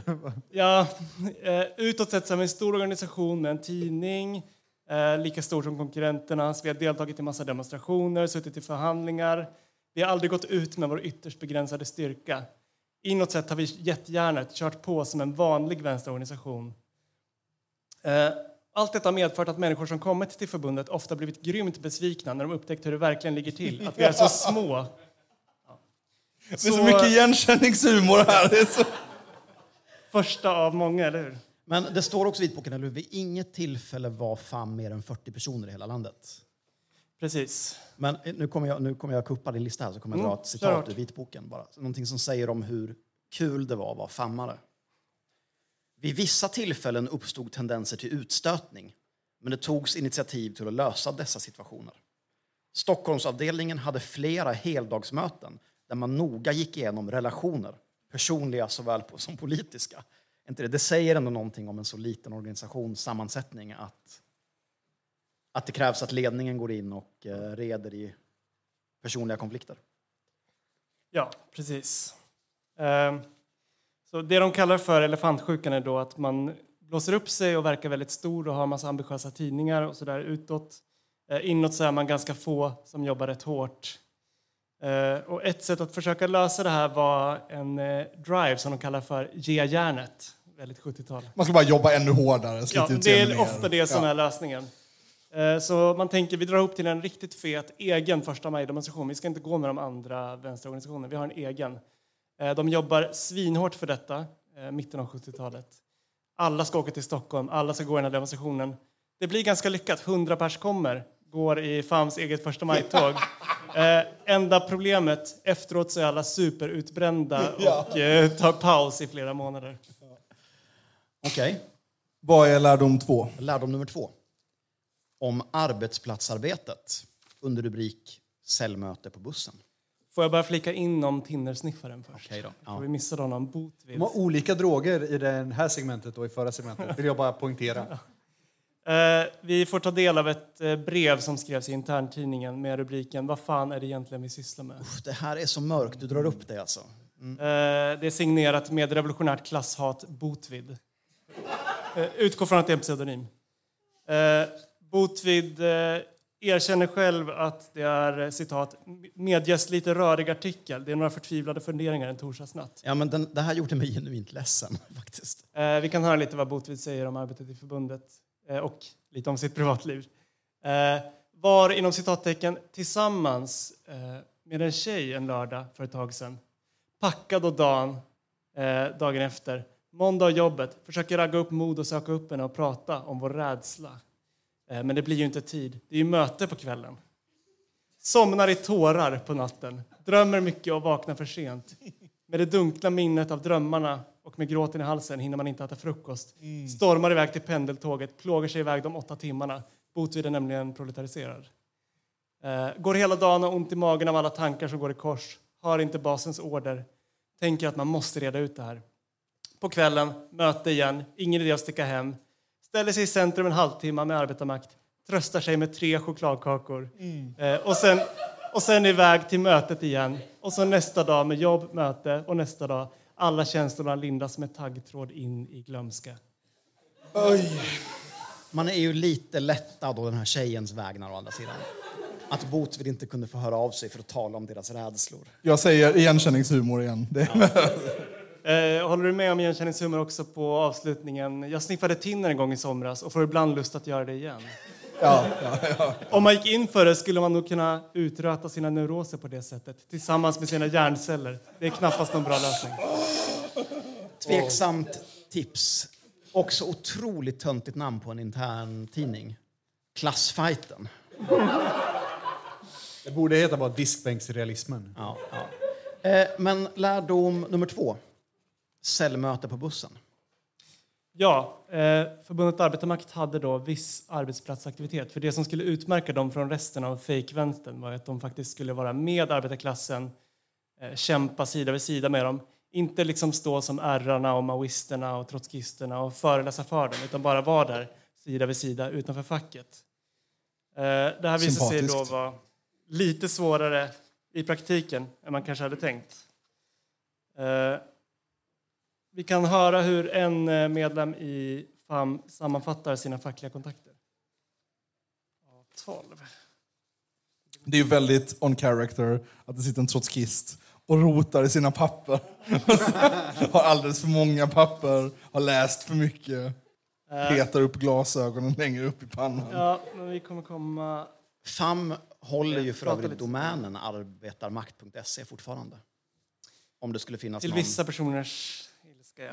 medlem i nuvarande trotskistiska arbetarmakt på plats här ikväll. Så. Okej, så här berättar då en person om hur det gick att eh, försöka organisera sina medarbetskamrater. Eh, att följa det vanliga fackliga spelet är föga upphetsande. Något motvilligt började tänka på förbundets arbetsplatspolitik, mycket konkret. På min arbetsplats. Mina arbetskamrater kolon. Arna, finne, förstår ingen svenska. Gunnar, 20-årigt Jehovas vittne. Stig behärskas av hemlängtan till Arjeplog, har ont i halsen sedan han började. Ragnar har jag inte träffat, lär bo på ungkarlshotell. hotell.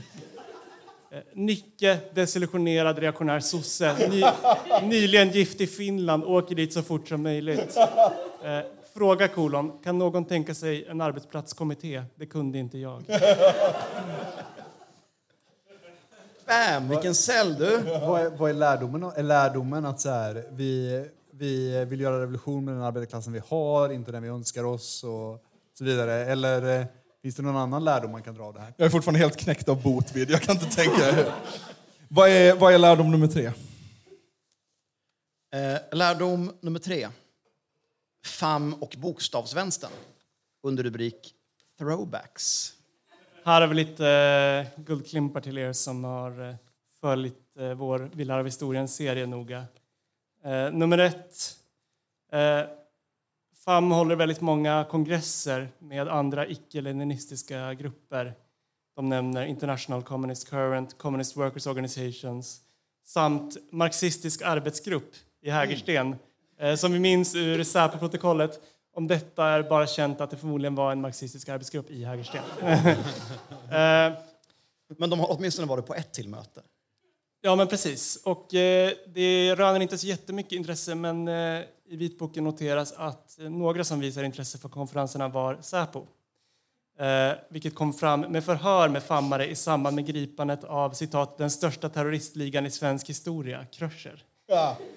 Så där fick de i alla fall en liten claim to fame. Eh, sen försökte de ju också eh, att eh, organisera sig med de här eh, marxistiska arbetsgruppen och vi kan kort notera då att eh, man bjöd in dem till eh, en konferens som man höll i Jönköping. Eh, marxistiska arbetsgruppen höll ett eh, väldigt kraftfullt tal. Eh, några blev jättesura på det talet och några blev jätteentusiasmerade. Men båda sidorna bestämde sig för att lämna förbundet Arbetarmakt på grund av detta.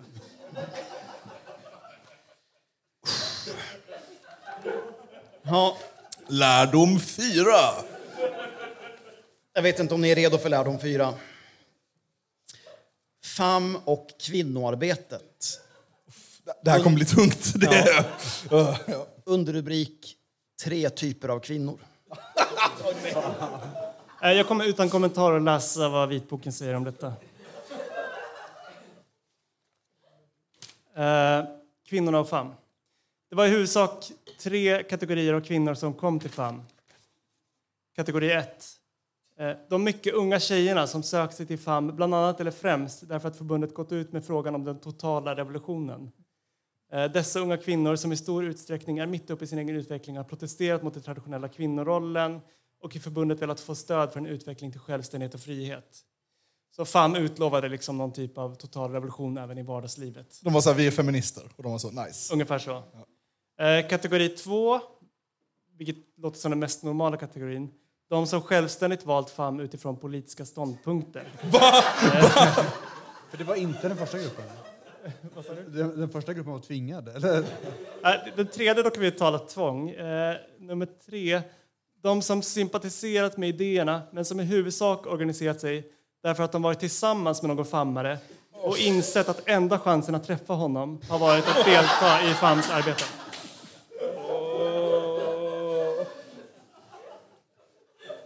Och vi kommer tyvärr att fortsätta på kvinnospåret och nu kommer vi in på Göteborg och Stockholm. Eh, vad är eh, lärdom nummer fem? Organisationslivet i Stockholm och Göteborg. Under rubrik Den heta våren. Ja, vi kommer till den heta våren nu. Men Är det, är, det, är det året 68? Är det revolvrar i gatuhörn? Är det rörbomber mellan fascister och antifascister? Är det vilda gatubataljer mellan snuten och upprörd proletär ungdom? Eller? Uh, något åt det hållet. Uh, Göteborgsavdelningen existerade bara i två år. Uh, en medlem berättar så här. De politiska diskussionerna i Göteborgsavdelningen förs klockan 01 till 03 nätterna mellan lördag och söndag i berusat tillstånd på fester i ett kollektiv. Och det är inte alla som går på dessa fester.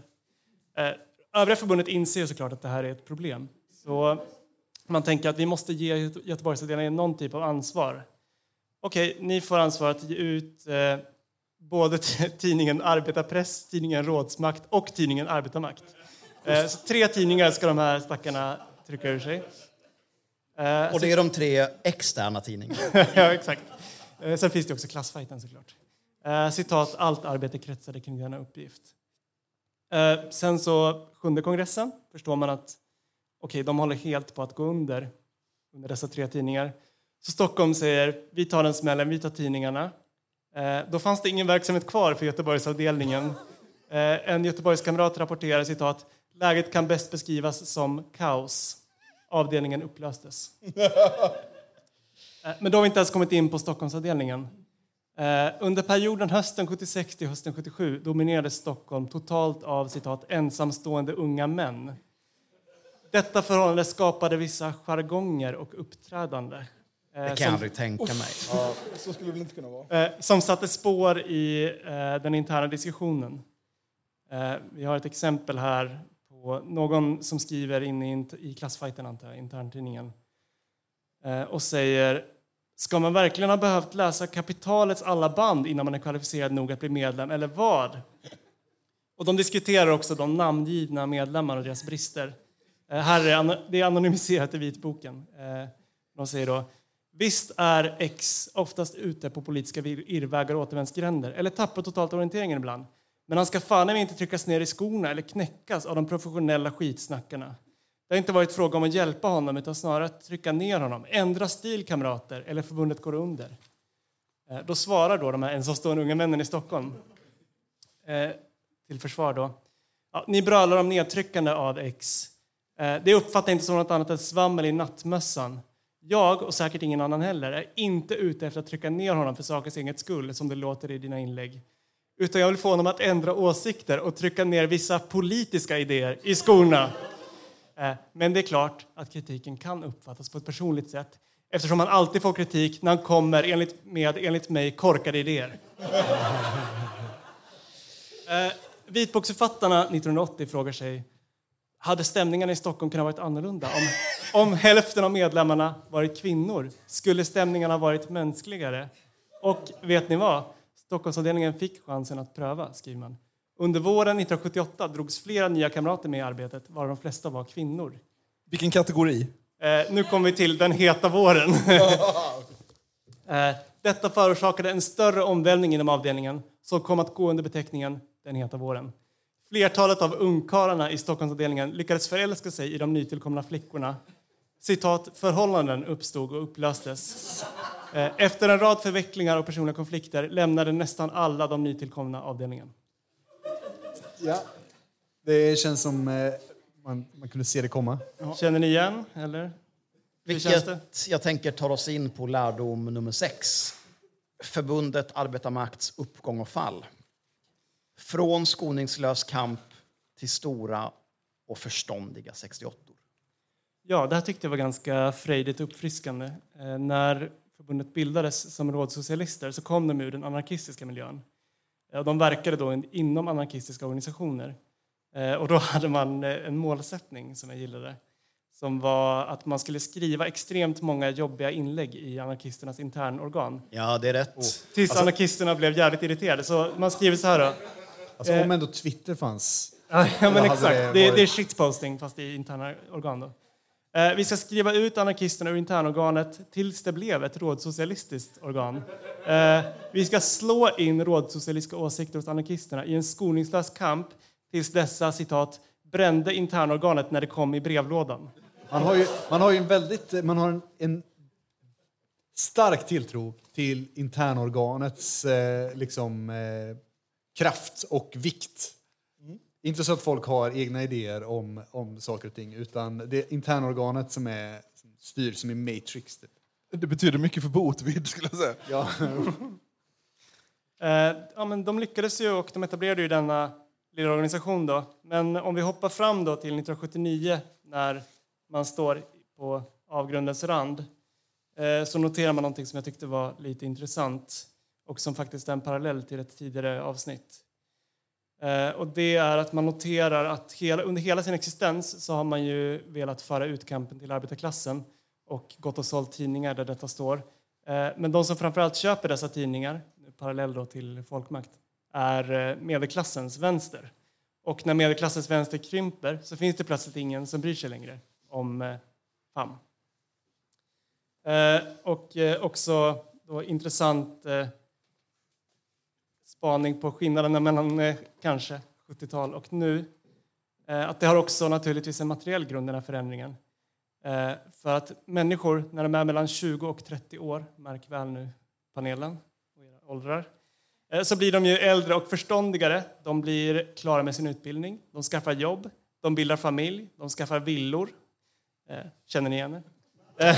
Eh, och de orkar inte längre sitta uppe hela natten och diskutera politik. Det är absolut förståndig läggdags. det, är jag, det är jag med. På tal om. Ja, det tror jag var sista lärdomen innan eh, läxförhöret slash quizet. Just det. Del nummer sju. Men lärdomen, den sjunde lärdomen var om man blir äldre så pallar man inte sitta och snacka så Den sjätte lärdomen. Ja. Ja, okej. ja, det var sjätte. Okej. Mm. Här sitter vi tre barnlösa, villalösa losers. Män som gillar att gå och lägga sig, eller i alla fall this guy, gillar att gå och lägga sig tidigt på kvällen. Ja, det gör vi. Det gör vi. Men del nummer sju är ett läxförhör. Ja, det kommer också ur eh, vitboken, så jag behöver inte skriva det själv. Eh, det här är då en liten karamell eh, för att samtliga grupper som nämns här har vi gjort minst ett poddavsnitt om. Okej. Tänker du förhöra oss? Eller är det, är det Jag tänkte interaktivt? så här att jag ger er chansen först. Och knäcker ni inte det så kan vi ge publiken Okej. chansen. Mm. Som en livlina. Eh, det här är, ja men precis, ring en kompis. Så. Eh, det här är när FAM ska förklara vad deras USP är, kan vi säga. Det är kontexten. Och då räknar de upp eh, hur man är om man är med i olika vänsterorganisationer. Eh, men jag kommer då ta bort namnet på vänsterorganisationen så får ni gissa. Och vänster i bred mening här. Eh, vi börjar med den här. För att vara X räcker det med en aning klasskänsla och att man är emot att företagarna ska bestämma. Sosse. Ja, korrekt. Eh, nästa här då. För att vara X räcker att förklara att sossarna är för lite radikala. Man vill ha socialism. Om Ja. Sovjet kan man ju tycka nästan vad som helst. Då är det VPK. VPK, helt korrekt. Ja. Eh, här då. För att vara X räcker att man håller på Kina istället för Sovjet. Oh, det kan vara... Det kan vara... Nuvarande SKP, jag vet inte vad de hette då. Dåvarande SKP. Ja, exakt. Dåvarande SKP, just det. Ja, just Ja, det. inte, ja, exakt. KFM eller SVP. Eh, om man bor i Göteborg och är vänster och anser att VPK är för lamt så går man med i... KPM. Ja, helt rätt. Japp. Eh, om man är emot stalinismen och imponerad av ett citat världsparti så går man med i... Är det här en kuggfråga och att det är Gaddafi som är svaret? Publiken? Någon som vågar gissa? Vilka tycker om att bilda internationaler och världspartier? Och? Ja, man är trotskist. Men, Men men vilken vadå? sort? Ja, det, fin- här finns, är det bara en som nämns, KF, Dagens Socialistisk Politik. Okej. Okej, okej. Eh, nu kommer en slamkrypare här då. Om man verkligen vill stödja Sovjet och är för kärnkraft så går man med i... LaRouche. Eh, det är APK, det är den här eh, väldigt Sovjettrogna splittringen. Just det. Från, Nuvarande SKP. Mm, exakt, exakt. Eh, om man tycker det är jobbigt att ta ställning till allt detta ovanstående och vill ena vänstern så går man med i en poddfavorit tror jag. Lite av en sågning av dem också. Nej, jag, jag har en Ett annat förbund. Allt åt alla? Vad, Förbundet kommer... Nej, men FK måste det vara. Ja, Förbundet Kommunist, helt rätt. Eh, sen det här är inte en eh, organisation så mycket som en ideologi som de vill ge en känga. Tycker man illa om att lyda andra och vill bestämma själv så bildar man en En anarkistisk federation. anar- anarkistgrupp. ja, Jajamän. precis. Och sen har vi då sista i uppräkningen, FAMs eh, USP. Nu spoilade jag svaret, men jag tror ni kan gissa det ändå efter denna grundkurs. Eh, om du är emot stalinism och leninism, också förklara varför du inte ska erövra eller bygga nya fackföreningar. eh, men måste förklara en ny teori om statsbyråkratism som ingen annan organisation i Europa står för och dessutom har kunskaper och förmåga att uttrycka dessa vid till exempel tidningsförsäljning, eh, då är FAM organisationen för dig. Wow!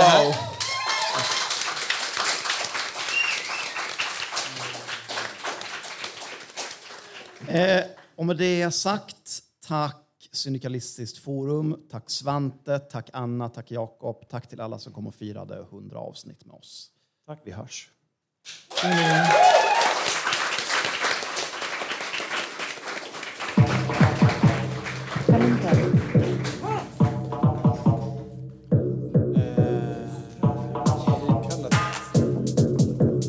Berätta inte om det svenska